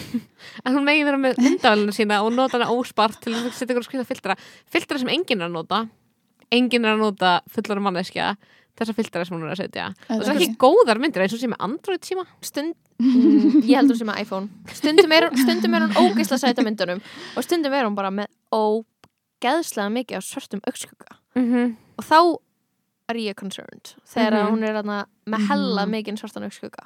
Mm. A- en oftast, oft er hún líka bara mjög sæt. Bara pæling skilur en þá fannst mér hún lukka crazy. Mm þú veist, veit ég hvað er að tala um þú veist, Mhm. myndir af henni þess Já. að hún er bara eitthvað þú veist, að horfa í, þú veist, selfie skilur hún er ógeðslega mikið máluð og maður er eitthvað, með hári getur reitt þá er maður eitthvað svona, you don't look well og svo Mhm. öðrum myndum þá er hún svona eitthvað betur til höfð, skilur Mér finnst líka svo magnaður munur á líka bara röddin hennar Já, eins og það já. var eitt alveg vídeo strengd, strengd Já, hún bara alveg, uh, so you guys uh. En það var líka eitt vídeo í, þú veist, Freyfingbrytni myndinni þar sem hún var bara, þú veist, af því hún er náttúrulega mjög djúbrötuð já, þar sem hún var eitthvað Yes, I'm a Sagittarius, I love freedom. Eitthvað, Mhm. sagði þetta og hún var svona, já, já, þetta er alveg röddin þín. Mhm. Ég er búin að heyra hana ógislega lengi bara búin að heyra þetta. hi everyone. So. Að þú Það veist er svo skrítið einmitt, og Það er það er svo ógeðslega mikið skrítið. munur eins og líka bara bæða útlýtnar á röddinar frá því þarna í heimildamyndinni eitthvað sem var tekin á okkur tónleikaferðlega það sem er smá innsýn inn í þetta conservatorship. Eða þú veist það er smá innsýn inn í sambandennar við hann record? Já, Já, og hérna, þá er hún að tala og hún er að segja að ég er svo ógæslega þreytt á þessu bara þreytt, þú veist, á þessu Mhm. skilur og þá er hún með svona gömlu röddina sína. Já. Og það, Það- er svo klikkaði munur að sjá það. Mm Það er, þú veist þessi breyting varðuruglega, þú veist Mm. Já, mér finnst að vera svona frekar skýr lína milli þess að, að, að hún kláraði Las Vegas residensin sína fór í tónleika ferðalag sem Mhm. að við náttúrulega fórum að tónleika með henni. þið fóru að breytni tónleika? Já, Mhm. 2018 í Berlín. Í Berlín. Já. í Berlín. Mhm. Pitbull var að hita upp, það önnur saga. Og hvernig voru þessi geggjaður, breytni tónleika Pitbull var geggjaður. Hann bestur. En hvernig, var, hvernig voru breytni tónleikanir æði. Þeir voru geggjaðir, sko. Ég er náttúrulega eins og Salka sá, ég er öskur skrét. Mhm. þetta er ótrúlega stund í líf okkar. Já. út af því að líka bara að sjá hana með eigin augum er fáránlegt. Það er ridiculous af að því við sáum hana með berum augum. Mm það var klikkað, Hún hún, var aðna var hana in the flesh. Mér fannst eins og það myndi vera hologram. Og það, ég veit það. Og það sem ég fannst svolítið, svolítið skín í gegn í ásum tónleikum var uh, hann var ekki söngurinn af því að hann hljómaði svolítið eins og væri alveg margt á teipi og svona, Þetta var- Eiginlega all lipsingað já, út af því að það er fárilega mi- mikil koreografía ok, Hún er samt ekki einu sinni, hún er ekki einu sinni að dansa neitt sérstaklega mikið í sjóinu sínu. Að þú veist, hún, það er basically eins og hún hafi sér svona sér búin að einangra múvin svo ótrúlega mikið, hún er búin að gera það svo ofta þeir bara orðin eitthvað svona minning af því sem það var sem er mjög Mhm. En mér fannst skín í gegna að hún er performer sko. Mhm. Mér fannst skín í gegna að það er hennar artistry Þú veist, En það var eitt moment í tónleikunum, Mhm. eða á tónleikunum þar sem að, aðna, já, það er alltaf atriði þegar hún tekur held ég leysin leðurlægið, þar sem að fa- kemur ykkur manneski upp á svið og hún eitthvað svona setið þau í eitthvað svona BDSM fatna og lætið þau Ok. skriða á fjórum Ok, ok, ok sem er mjög fyndið, Iconic. Mhm. iconic og það var eitthvað svona nokkra sekundur millir þess að þú veist að verðirnir voru að, voru, voru að velja mannesku og hún var svo stressuð Mhm. í þessu, hún var bara ok, so, uh, guys, um, so we're choosing um, how are you feeling? Woo! eitthvað, var bara ógislega stressuð hún var alltaf að laga, hún var með þú veist, hún var með var tagl hún var alltaf að laga taglið, hún var alltaf með hendurnar í taglinu og þú veist, Mhm. var bara svona með mjög mikið á svona nervus töktum, eitthvað svona, Mhm. en líður ekki sérstaklega þægilega á þessu sveiði -hmm. en þú veist alveg vel allavega þegar þeir eru lög í gangi en ekki Já, Það er ekki ekki- þeirra, það er þess utan, akkurat já, og svona að einhvern veginn hún væri bara svona að hún kann, þú veist, hún- ef hún er inn í rammanum performa lægið, mm þá er hún bara hún kann það og það er bara svona í líkamsminnanar og hún bara svona getur nálta skilur Mhm. en svona að það var mjög einhvern veginn augljóst það var alveg, það var alveg svona a tint of sadness yfir því að Mhm. sjá þetta Mhm, Mhm. að maður hugsaði bara að þetta er brjáli produksjón, þetta er svo brjálaði peningar í þessu mhm. en það er svona frekar augljóst að hún er einhvern veginn ekki þú veist að gera þetta einhvern veginn, maður svona sá hún var ekki að taka, þú veist, segjum að þú ert á einhverjum svona stórtónleika þar sem þú sérði listamann einhvern veginn vera að taka bara svona væpa í einhverju eins og þú myndir sjá einhverjum Beyoncé tónleikum eða eitthvað, Mhm. þar sem þú allt í einu bara svona sér skína í gegn bara hvað vannskjan hefur mikið vald og svona mikið einhvern veginn svona Stjórnar áhörundum já, og skilur, og er já. bara eitthvað, ok, hér er moment þar sem ég ætla bara að, hún fór aldrei út fyrir bara Ég var það alltaf stutt áður líka búin að fara á Beyoncé tónleika, bara basically sama sumir að fóra Beyoncé og Britney já, og það er náttúrulega, þú veist, það er ekki sambörlegt, það Nei. er ekki, þú veist Beyoncé bara svona verandi an artist in her prime mhm og ennþá gera styrla hluti og þá er Britney svona, þetta er minning af því sem var sem að allir sem er að sjá það dyrka að sjá en Mhm. þetta er ekki, þú veist Einmitt. Mjög Um, mikið sko. Runni upplifa skilur að hvað hún hefur einhvern veginn lítið vald eða skilur það fyrir skín í gegn kannski að mér Já. fannst það alveg smá að gera það sko. og Mhm. það var einhvern veginn, þú veist, hún var að taka bara gamla lögin skilur og fólk að trillast og svona, hún hefði reyndi geta verið að remix Já, guð. þau voru ekki góð Já, en þú veist, núna eitthvað svona hverlar að mér skilur hvað þú veist, mér finnst einhvern veginn svona stóra spurningin í þessu öllu vera bara einhvern veginn, okkur mér finnst þetta að vera bara mannréttinda brot, Mhm. er að þú veist sama hversu, þú veist hvar hún stendur andlega eða ekki Mhm. Mér finnst það svo mikið oh besæta God. point út af því að þú veist hún ætti samt einhvern veginn að ráða yfir eigin lífi veit ég hvað Já. við, bara Mhm. allir þú veist, og ég er bara eitthvað svona spá þú veist, bara hvernig, þú veist, á hvaða stað er hún, skilur, bara Já, það var það sem Já. ég, já, ég glemdi því, en það var það sem ég ætlaði að segja áðan, Mhm. er að þú veist, það varð bara mjög stort, eða veist, var mjög skýr lína milli þess að hún kláraði hennan túr, Mhm. hennan heimstúr með Mhm. Pitbull Mhm. Og þú veist, annonsaði þarna nýja residensínu sína sem hétt eitthvað Domination og mér finnst hún sé alltaf eitthvað svona, residency Las Vegas Já. sem sagt, já. og eitthvað svona BDSM er eitthvað, sem er svo random þegar fyrir hana, passar ekkert við hana já, en mér finnst það meika samt alveg sens út frá eitthvað svona einhvern hvað lögum henni, þú veist, hvað maður myndi halda að henni finnist vera eitthvað svona crazy edgy já, eitthvað svona get Mhm. edgy og maður svona, mm, svolítið gömul hugmynd um hvað er álítið edgy Mhm. já, en þarna, já, þá náttúrulega, þú veist, þá var að nánsað og síðan, þú veist við vitum ekkert um það að pappin var veikur og hún hættir við og þú veist, eins og það sýnt í myndinu eitthvað svona, hún mætir á eitthvað svona the announcement og bara svona gerir ekki neitt og segir ekkert bara svona, fyrir eitthvað svona poppar út Labbar eitthvað um beint pall sviðinu. og bara lappar beint niður og af sviðinu og burt og allir er eitthvað, what? Áttu hann ekki að performa eða áttu hann ekki að Mhm. allan að segja eitt orðum Residency, en hún bara beilar á, á þessu öllu saman Já, þá, þú veist, þá var hún örgulega bara ok, þetta er I am contractually obliged að vera hérna en ég ætla ekki að gera sitt Mhm. og þá, þú veist já, eftir það, þú veist, þá hverfur hún og þá, þú veist, fyrir það þú, hún var alveg stundum með bara sí, sína eðlu rödd, hún var ekki, þú veist börnin hennar voru inn í myndinni á Instagramin allavega Mhm. en eftir það, þá byrjar hlutin að vera weird Já, þá, þú veist, fer maður að sjá, þú veist, hún talar bara í þessari rödd eitthvað Mhm.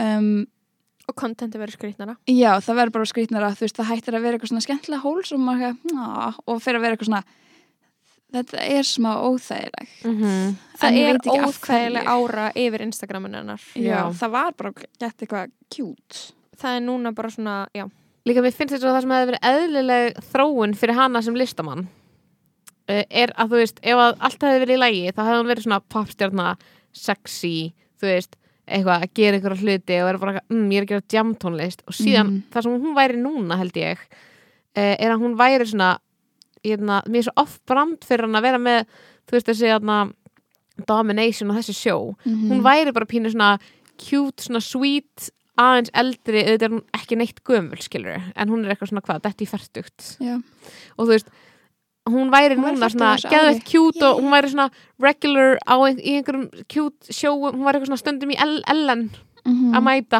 og vera eitthvað, ég er að gera þetta um börnunum mínum og vera dulla og hún Mhm. væri orðin meira svona southern skilur það, er, það er náttúrulega leiðin sem að hún ætlaði að fara 2005-06 mm -hmm. þegar hún var ennþá með Kevin Federline, famously Mhm. um, hún gaf út hún samdi og gaf út lag sem heitir Someday I Will Understand sem var bara eitthvað svona, og hún var bara gett ólétt og bara eitthvað samdi ógæslega fallegt country lag mm -hmm. eitthvað balliðu um Mhm. bara eitthvað svona motherhood Mhm. og var eitthvað eitthvað svona einn daginn þau mun ég elska eitthvað allt sem að þú ert eitthvað litla batnum mitt þetta er ógislega fallegt og bara svona gæði eitthvað svona cute, vasilínað eitthvað svona svartkvít vídeo með þessu Mhm. Og þetta var það sem hún ætlaði að gera. Og hún, þú veist, hún samti heila plötu um, í þessum stíl. í þessum stíl sem, Mhm. þú veist, er hinn týnda plata, hún átti að heita eitthvað Original Doll.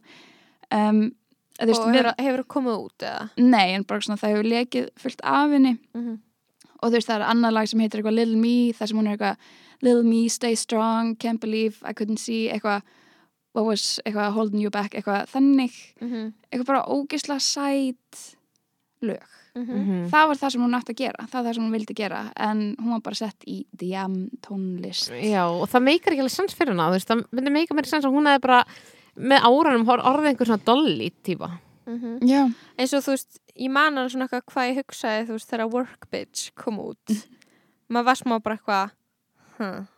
en núna get ég alveg mhm. væpað við það skilur Já, eitthvað, maður, þú veist, að jamma eða eitthvað, þú veist, það er orðið a classic núna, Já. en það var svo mikið svona eitthvað, þessi tónlist var svona eitthvað huh, út af því að þetta er ekki þú veist, sama fíl og í henni tónlistin hennar Mhm. Einmitt, algjörlega sko. Þar veist- virðist hún líka hafa haft meiri stjórn á því sem er verið að gera in the studio Mhm. Já. þar var hún skilur að skrifa og semja eða þú veist vera, Hún ég veit ekki hún, eða þú veist, ég var ég var að skoða þetta áðan og þú veist, ég fór yfir alla plöturnar bara svona, hvað skrifaði hún mörg lög og hvaða lög voru það sem hún skrifaði Já, já. sem hún samti og þú veist, fyrsta lagi sem kemur út eftir hana heitir Dear Diary þar sem hún syngur svona Dear Diary, today I saw a boy and I wonder if he noticed me Mhm. en þú veist, þetta er bara svona geðveikt Dúlló. sætt dúlólög Mhm. og þú veist, það er bara þú veist, það er eitthvað svona nokkur eitthvað svona partilög en flest eru þau bara eitthvað svona um ástina og um fallega hluti. Mm og þú veist já, það er bara basically lögin sem hún samti, hún samti Every Time. Sem er a masterpiece. sem er eitt besta lag. Mhm. um, eitt besta lag í heimi. Já, Mhm.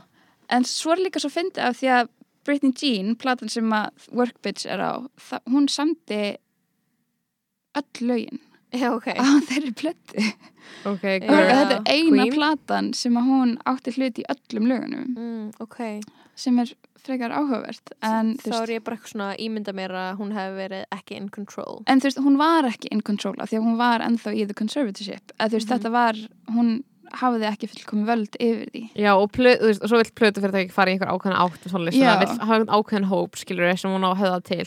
en þú veist, þá segjum hún inn í það, skilur já, hún fær einhverja milsnu af einhverju listræðni stjórn, skilur Mhm. Mhm. sem hún hefði ekki gert, þú veist, hún hefði ekki verið með eitthvað svona partilög og verið bara eitthvað du-du-du en síðan hefði hún pottið bara fært sig yfir eitthvað rólera dæmi, verið bara að mála, skilur og chilla og, og mæti í spjallþætti og verið eitthvað svona, æ, verið svona Það daytime stjörna, þú veist, verið svona Já, mæta í eitthvað eitthvað The View eitthvað, eitthvað svona, panel, svona cute þætti og vera bara að mæta og vera eitthvað, já ég er að gera þetta allir eitthvað, ó næ, skilur Mhm. en í staðin er hún bara horfin og það er líka svo skrítið á einhvern tíma sem að það sem að stjórnir, að því að við vorum að tala um að veist, að þetta hætti bara, þetta paparazzi stjó- stjórn, skilur á ímyndina Já, hætti já. og það er svona miklu leiti til út af samfélagsmiðlum Mhm. út af því að veist, að því við vorum að tala um veist, að það tengist líka inn í hérna Marie Carey Mhm. uh, náttúrulega las hérna æfisögu Marie Carey sem er geggið The Meaning of Mariah Carey. Og hún er náttúrulega, þú veist, er er hérna uh, þú veist, að tala um í þeirri bók sem er sko geggjað þegar hún talar um þetta. Hún er eitthvað svona það er ókslega fyndið. Hún er eitthvað ég, ég hitti, hitti Princess Diana á einu sinni, hún er eitthvað að segja frá hann að einu sinni hitti Diana Prinsessu. Mhm. og svo hún eitthvað ræðilegt hún dó. Ég held að uh, ef Diana Prinsessa hefði orðið glöð að vita að samfélagsmiðla verið til. Og, ég, og maður er eitthvað ok, this is what you take from it. En það er basically að segja eitthvað svona út af því að paparazzi er ekki að hánda celebrities en hún var bara, ef samfélagsmiðla hefði verið þá hefði Diana Prinsessa basically ekki dáið. Mhm. út af því að núna, núna hef ég stjórn á ímyndinu minna því að Maria Kari var líka, þú veist, hounded by the press skilur, og bara já, mikið að dótum hana í miðlum.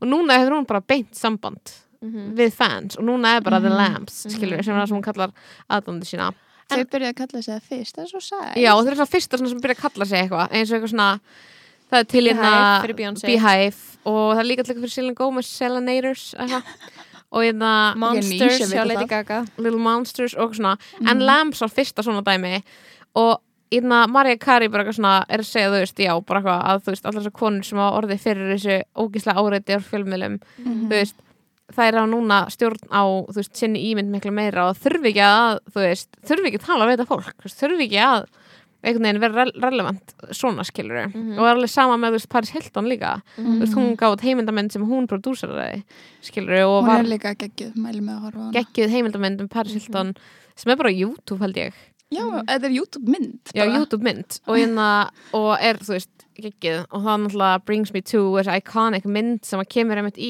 í hérna heimildmyndinni um Britney sem er myndin af Lindsay Lohan, Paris Hilton og Britney Spears, það er ekki til mynd sem er jafn tákgræn fyrir hann tíma. Getið þið ímyndið eitthvað mynd sem er jafn Bara fyrir á place in time. Þær þrjár á Mhm. djamminu. Ok, hver af okkur væri hver á þessar mynd? Ég væri Britney, sorry. Er ég Paris. Þú verður Paris og ég var Lindsay Já, Mér finnst þess að sé öfugt. Nei, hún, Paris er með skrí, the weirdest humor. Sko, það er Lóa. ég samt, það er eitt sem ég skil ekki líka.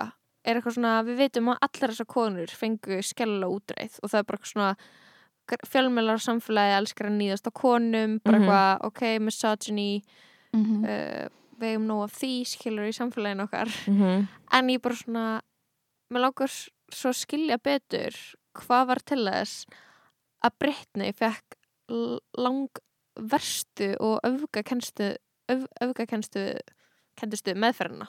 Skiljiði mig? Mhm. Þú veist, af hverju það var valið að bara, eða valið skilur bara hvernig það gerðist að uh, hún yrði redúsu niður í ekkert nema manneski sem er veik á geði og ætti bara sveitt á öllum réttindum sínum? Hún náttúrulega, þú veist, Peres Hilton hann, sem er kom bloggari, bloggari. slúðurbloggarinn trash of a human being.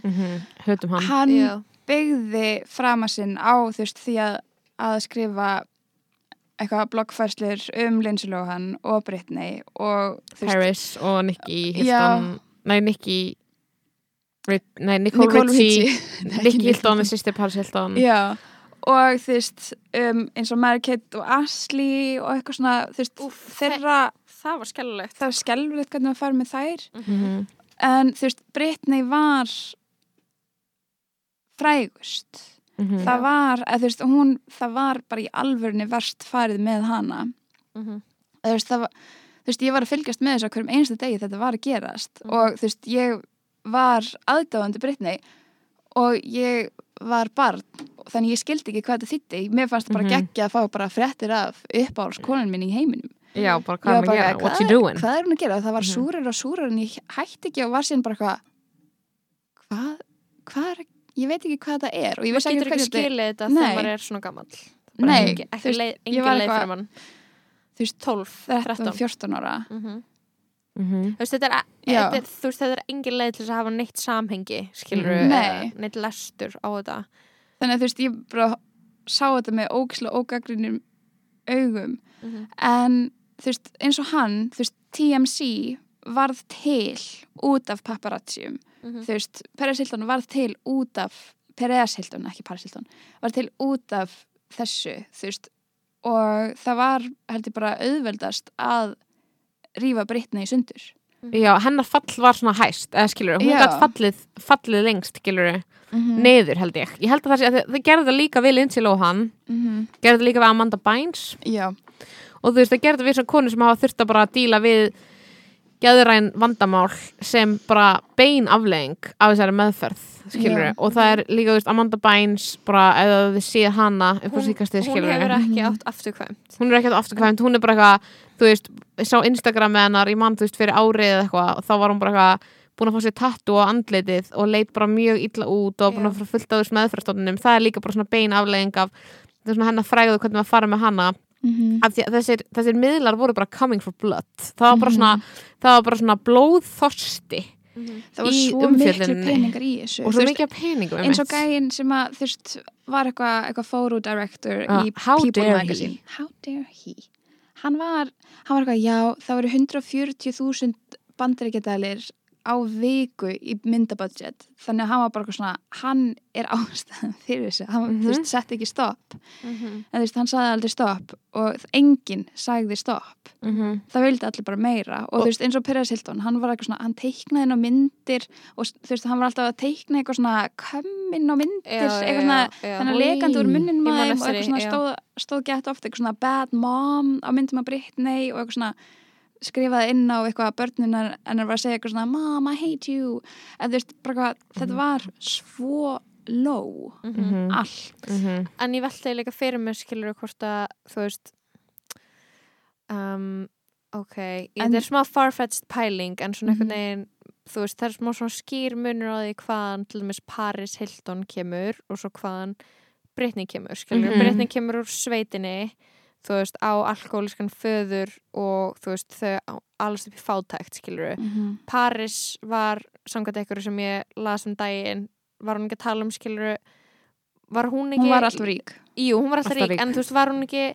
fór hún ekki í einhvern heimaðastaskóla og, og beitti óslega miklu óbeldi og svona, já, Jú. verið að geta stjórnun okkar þannig að þú veist, hún hefur alveg fengið sinn skerfa áföllum Mhm. en ég svona velti fyrir mig bara svona hvort að þú veist hvort að aðstæður Brittany væru öðruvísi þú veist, hvort að ver þú veist, hvort hún hefði haft meiri stjórn eða ef að fólki í kringum hana hann náðast að fjölskylda væri nú valdamikil Mhm. til þess að þú veist grípa inn í Klárlega. en í staðin er, er þú veist er þetta eitthvað að gerast og tækifæri sinnin pappinar ræta það wave en þú veist Mhm. ef að pappinar Mhm. ætti pening þá hafði hann þú veist, geta nota sín völd í að Já. gera eitthvað en í staðin þá er hann skilur Og- líka benefita. Já, það hefði verið meira honum í hag að taka hana út úr þessu já, og það væri ekki þetta umtal um hana Mhm. sem væri svona neikvægt eins og virtist vera þú veist, í hjá Paris Hilton skilur hún bara hún hefði ekki átt gott vini. bakland skilur tilfinningalega.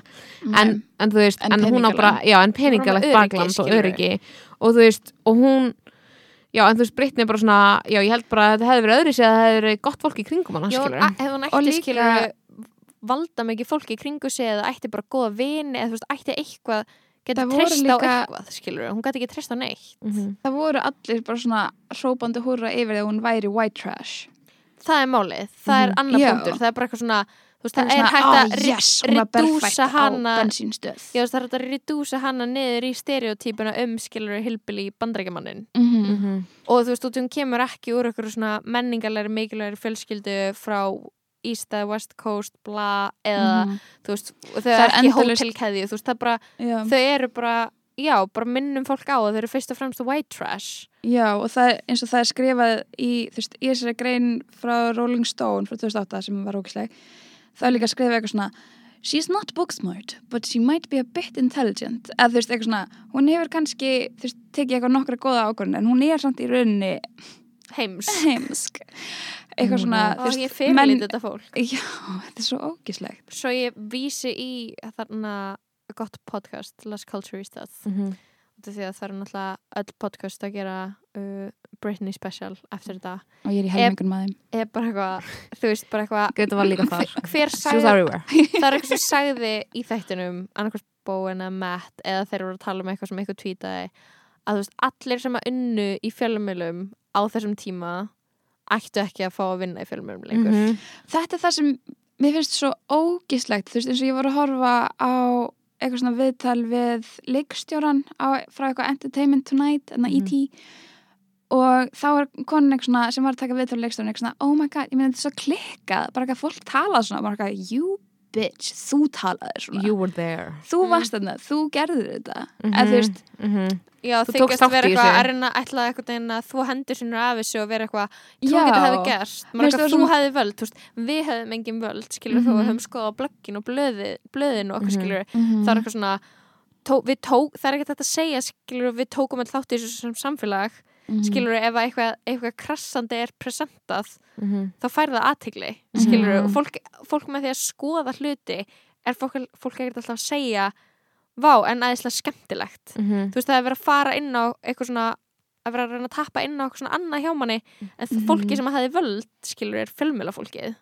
og líka bara það og sem stjórnaði þessu að þetta fór í þessa átt Já. og líka bara því það er alltaf verið að tala um eitthvað svona já þú veist um, að ég veit ekki þú veist verið að svona við erum núna með veist tólinn til þess að tala um þetta. Það er búið að breyta svo margt í orðræðinu þú veist við höfum einhver í mainstreaminu núna einhver svona orðræði um feminisma orðræði um skiluru þú veist mm -hmm. einhvern veginn bara það, svona hluti þannig að við getum talað um núna það var einhvern veginn ekki til staðar í umræðin á þessum tíma sem sýnir okkur svo mikið hvað er margt búið að breytast og til hins betra. Og eins og mikið að við erum ofta að tala um þess að það hafa ekki breyst til hins betra að það sé verra. Það er bara engan veginn. Og mér finnst líka eins og þú veist feministar þess tíma voru ekki eins og í liði með Britney skilur Nei, Auðvitað ekki, hún var bara drusla. já, feministar Já. þess tíma voru bara eitthvað bara, hún er slæm fyrir, já, hún er slæm skilur fyrir ungt fólk. Já, hún eins er og það var alltaf að beða um að vera beðin um að bera ábyrð á þú veist, eitthvað öllum börnum alheims. Þú veist, eins og hérna Diane Sawyer viðtalinu sem var byrt í myndinni þú veist, þetta er ógíslegt viðtal. Og Diane Sawyer verið eitthvað svona ég er ógíslega flott kona, business kona eitthvað svona. Og sem verið þú veist, að rífa þessa 22 ára unga stólku í Bara sig að vera eitthvað svona já, en þú ert druslulega klætt mm Mhm. það er einhver kona hérna sem bara svona búin að segja að hún vilja skjóta þig fyrir áhrifin sem hún hefur á börnin sín. Sem er ógislegt. Já, og Brittany er eitthvað, það er ömurlegt að segja þetta. Eða þú veist, ég ber ekki ábyrð á þeim. Og líka, þú veist, Mhm. þetta, þetta er svo mikið þessi svona, þessi ógislega svartkvíta unforgiving scene í bandaríkjunum á, þú veist eitthvað svona, hvað er proper Mhm. og þú veist, að því hún er líka frá þú veist, Kentwood, Louisiana hún er frá bara mjög kristnu umhverfi og hún passa ekkert endilega inn í það, hún er svolítið mjög kristin Mhm. og bara svona hvernig hún var svo ógislega slöttsemuð fyrir bara Mhm. að vera til að bara svona- vera ekki hrein mei bara eitthvað svona, já, alltaf bara- að spyrja hana hvort það sé búið af mig já, bara eitthvað svona eins og komir, þú veist, pældi hvað þessi surrealist það er. Að vera bara eitthvað, hefuru hefuru sofið hjá, maður bara það var eitthvað, svo ógeðslega pedofílisk uh, ná- nálgun á hana bara það er svo irrelevant upplýsingar. Mhm. já, en þú veist, það var bara, skilur, hún átti bara að vera ógeðslega sexy en Mhm. hún mátti aldrei vera á sínum forsöndum Mhm. það var hún ógeðsleg. En það var líka, þú veist, eins og að tala um myndinni, þú veist um, uh, ég man ekki hvað hann heitir það var ekki gæði sem að, þú veist um, sagði eitthvað svona, já Baby One More Time video, það var ógislega sexy. En það var ekki ástæðan fyrir að fólk elskaði það, fólk elskaði að sjá bara eitthvað svona hvað hún var í stjórn þú veist, Mhm. hún bara took control af ganginum og var bara svona að spila langflottust hún var bara langflottust, hún var bara aðal Mhm. gellan ekki út af því að hún var eitthvað svona í, þú veist, með eitthvað svona bundin ból sem að allir voru í að þú veist, þetta var ekki spurning um að vera sexy Mhm. þú veist, þetta var var klálega spurning tíska. um það á einhver, þú veist, að einhver leiti en þetta var the power Mhm. Mhm. pældi líka hvað hún er skilur þú veist, maður sér hann í svo öðru ljósi núna til að það er búið að veist, ganga á alla þessa þú veist uh, alla þessa veggi eða skilur alla þessar hugmyndir um hvernig konur er að hafa sér það er bara -hmm. þú veist, það er bara alltaf verið að pússa þessi bandari skilur og, Mhm. og jú, eitthvað svona WAP kemur út og, og fólk er bara eitthvað að þetta er of mikið, skilur Mhm. og eftir, þú veist, og það var líka hann þegar Anaconda, menn ekki með næs kom út skilur Já. Og- það og þú veist, henn, eitthvað svona hennar tónlistamindbönd, hennar þú veist, myndefni, svona hvernig hún klæði sig og hafa sig og hvað hún söngum þetta er bara svona í dag þá maður bara eitthvað, hm, þú bara peifaðir þú veist, þú bara paved the way skilur fyrir fullt af Mhm. konum í tónlist og hvernig þær eitthvað hafa sig til og hvernig þær klæða sig og Mhm. hvernig tónlistamindböndu þeirra eru en hún er bara svo mild Mhm. með alltaf í Mhm. dag Mhm. Mhm. svo ótrúlega eitthvað í rauninni innocent skilur Mhm. Líka, einmitt, út af þessari stjórn sem að þú hefur, þú veist, þú getur tjáðið um hlutina svo ógæslega beint þú veist, ef þú fær einhverju gaggríni Mhm. þú veist, með eitthvað svona, þá getur þú bara Mhm. þá eru við bæði stjórnir með tólinn til að tala um það og tólinn til að segja bara, hey, fuck you, skilur ég ger það sem ég vil Mhm. og þá fer það inn í eitthvað svona feminist discourse, skilur Mhm. sem er bara geggjað og þú veist, og þú getur tjáðið um það í gegnum eitthvað bladamann sem ætla bara tala pervertíst um þig, skilur Já, Mhm. Mitt eins og þú veist, hún var alltaf að segja í viðtölum bara svona, hvað með, af hverju af hverju Mhm. þetta pæli þessu, ef það skiptir einhver máli eitthvað svona, og gæni eitthvað nú er þetta svolítið sexy. Svo bara svona pervertíst. ógislega pervy. Mhm. og þú veist eins og stendur hérna, setning úr bókinni, stendur eitthvað svona 20 feet away from me, Britney Spears is pantless her sculpted hair makes her look like Marilyn Monroe. She's wearing no pants eða þú veist, bara svona, did I mention she's pantless? Og marga, þetta snýst ekki um þig og þína pervertísku hugsanir um einhver Mhm. konu, eða þú veist af hverju ert að skrifa svona ógæðslega grein, af hverju ertu svona oh, svo pervy? Og líka bara, það er samt svo geggjaði við, við hana, er að maður sér líka svo mikið í myndinni maður sér rosalega mikið hvaða mannesku þau, þau brutu, Mhm. þú veist, maður sér Já. maður sér gett mikið bara svona, ok, þú veist að eh, hvernig hún var að svara fyrir sem viðtælum var geggjað, þú veist, þegar hún var bara eitthvað ógeðslega oft bara, hún er 22 í mitt eða eitthvað, hún er bara Mhm. ógeðslega ung. Ég veit ekki hvort að ég hefði þórað að gera það, þú veist, hvort ég hefði geta gert það, hún var bara svo oft bara eitthvað svo ógeðslega skýr í einhverju viðtölum og bara tala um einhverju hluti og vera bara eitthvað já, ég vil bara þetta, þetta. Og ég actually hef fyrir eitthvað miklu stjórn þegar það var eitthvað svona, já, færð þú eitthvað að gera það þú vilt, eitthvað svona, hún bara, heyrðu, ég er listamæður af ástæðu, þú veist, ég er ég er ekki bara hérna fyrir tilviljun. Ég er hérna út af því að ég hef stjórn á því listarna átputti sem ég set út, skilur og það er ekki, þú veist, hún svarar svo geðvett vel Já, og maður sér að hún er svona ógíslega meðvitið um bara svona, veist, hvað hún vil gera hún er ógíslega örug með sig Mhm. og bara geðvett mikið bara veit hvað hún vil gera og bara syndir einhvern verkefnum í framkvæmt sem hún vil framkvæma, skilur Emitt. Mhm. og bara gera geðvett kúl hluti og maður sér, það er svo sorglegt í þessari mynd að sjá glitta í manneskina sem að þau brutu gersamlega niður og ég hef ekki eins og meika þér til dæmis, ég að að það er margir að deila svona myndum að hennar verstu mómentum stundum á Twitter núna að það það er ógíslega, þú veist, að ég var að hugsa mér langaði alveg að deila í stóri að myndinni af henni inn á einhverju veitingahúsi með barnið sitt en ég, bara, ég var bara, ég vil ekki ég vil ekki að neitt þurfa að endur upplifa þessa mynd út af því að Mhm. það er inn á myndaðin inn á veitingahúsi þar sem hún er grátandi með barnið sitt og því hún er að flýja undan paparazzi með barnið, skilur við náttúrulega sagan af þessari mynd er líka þú veist að hún flúði inn á hann veitingastað og var Mhm. eitthvað, neðið plís að hjálpa mér getið falið minn í eldhúsi eitthvað, ég með barnið mitt, ég er hrætt og þau sögðu nei við hana og lítið hann að sitja frammi. Og hún var bara eitthvað að brotna niður með kvítvóðung í fanginu bara eitthvað, hvað það er stað að fara á. enginn sem vil hjálpa mér í öllum heiminum? Mm. Mhm. og þetta er svo, svo ömulegt en svo er líka þú veist að ég bara svona allar þessar myndir af þú veist eins og henni í þú veist sjúkrabílunum af henni með þú veist að raka á sér hárið þú veist er það nöðsynlegt að vera alltaf að setja þessar myndir út aftur og aftur Mhm. og aftur og það rýr forsa allir- þessa mynd af henni. Já þú veist af hverju hvað með bara eitthvað að hlusta á plötun hennar? Mm eða þú veist hún er miklu, miklu meira Já, miklu meira en, en hennar verstu hver manneskja er miklu meira en hennar verstu augnablik í lífinu Já, bara þú þarft ekki að broadcasta þau En okkur, aftur og aftur aftur. Það fólk er ekki við Mariah Carey, fólk er ekki eitthvað svona, ú, mannstu þau að brotnaði niður í TRL, þú veist, Mhm. 2001, skilur við. Mhm, Mannstu þegar þú gafst út plötu þarna á 9-11. mhm. Nei, það man enginn eftir því út því það var bara ógeðslega vel díla við það og hún náði bara svona að rýsa ógeðslega vel upp úr Mhm. því dæmi. En Mhm. það er út í okkur finnst við að hafa leifi til þess að gera spritni og Já. það- í grunninn þá skilur við er hún, hún er ógeðslega kvennileg hún er uh, hún er ekki kalthæðin skilur, Mhm. hún er bara svona pure Hún er bara goofy og, fyndin og já, pure. en hún líka kemur skilur einmitt, eitthvað svona kemur frá okkur smábæ og fólk bara ber ekkert virðing auðvitað ekki virðingu fyrir lífinunar Nei. Mhm. það ber ekki virðingu fyrir henni skilur það Mhm.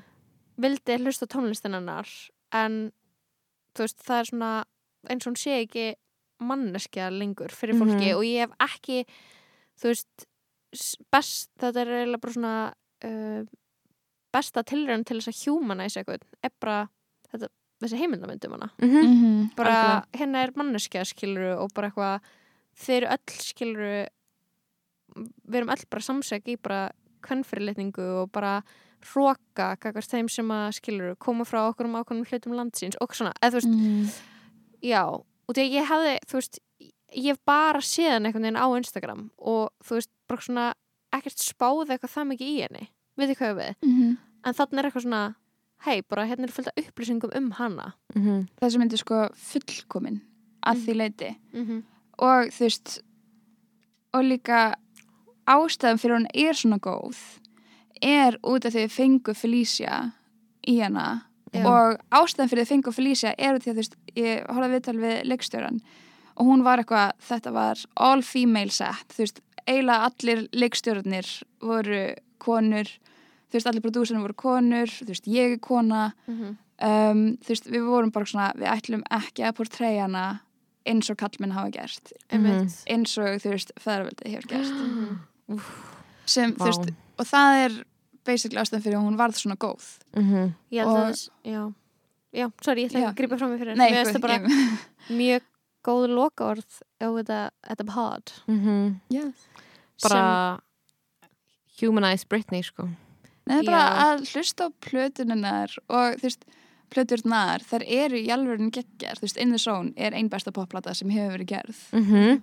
og maður ég var bara að hugsa um þetta næ, ég byrjaði að setja bara ákveð svona Spotify playlist eitthvað svona This is Britney og ég var bara, hér er fucking bangers. Banger after banger skilur Mhm. og bara svo fjölbreytt tónlist og ég bara svona skil ekki ekkur við getum ekki, þú veist, við verðum núna bara að lifta henni upp á sama stall og við gerum við bara mestu pop dýfur sögunar, skilur bara Madonna, Beyoncé, skilur Rihanna, Britney skilur, that's what it is. Fólk verður að bera virðingu fyrir tónlistarinn hún er geðvig og þú veist, ég er búin að vera þú veist, allan tíman í gegnum bara síðan ég var sex ára þá hef ég bara hlustað á plötunar aftur og aftur og aftur og aftur. Þar eru góðar. Mm það eru geggjar þar eru geggjar, ég er búin að vera að vinna í eitthvað svona b-side playlista með eitthvað svona öllum lögum sem voru ekki fræg en eru geggjöð mm eða þú veist, elska að hafa a real nerd on the pod.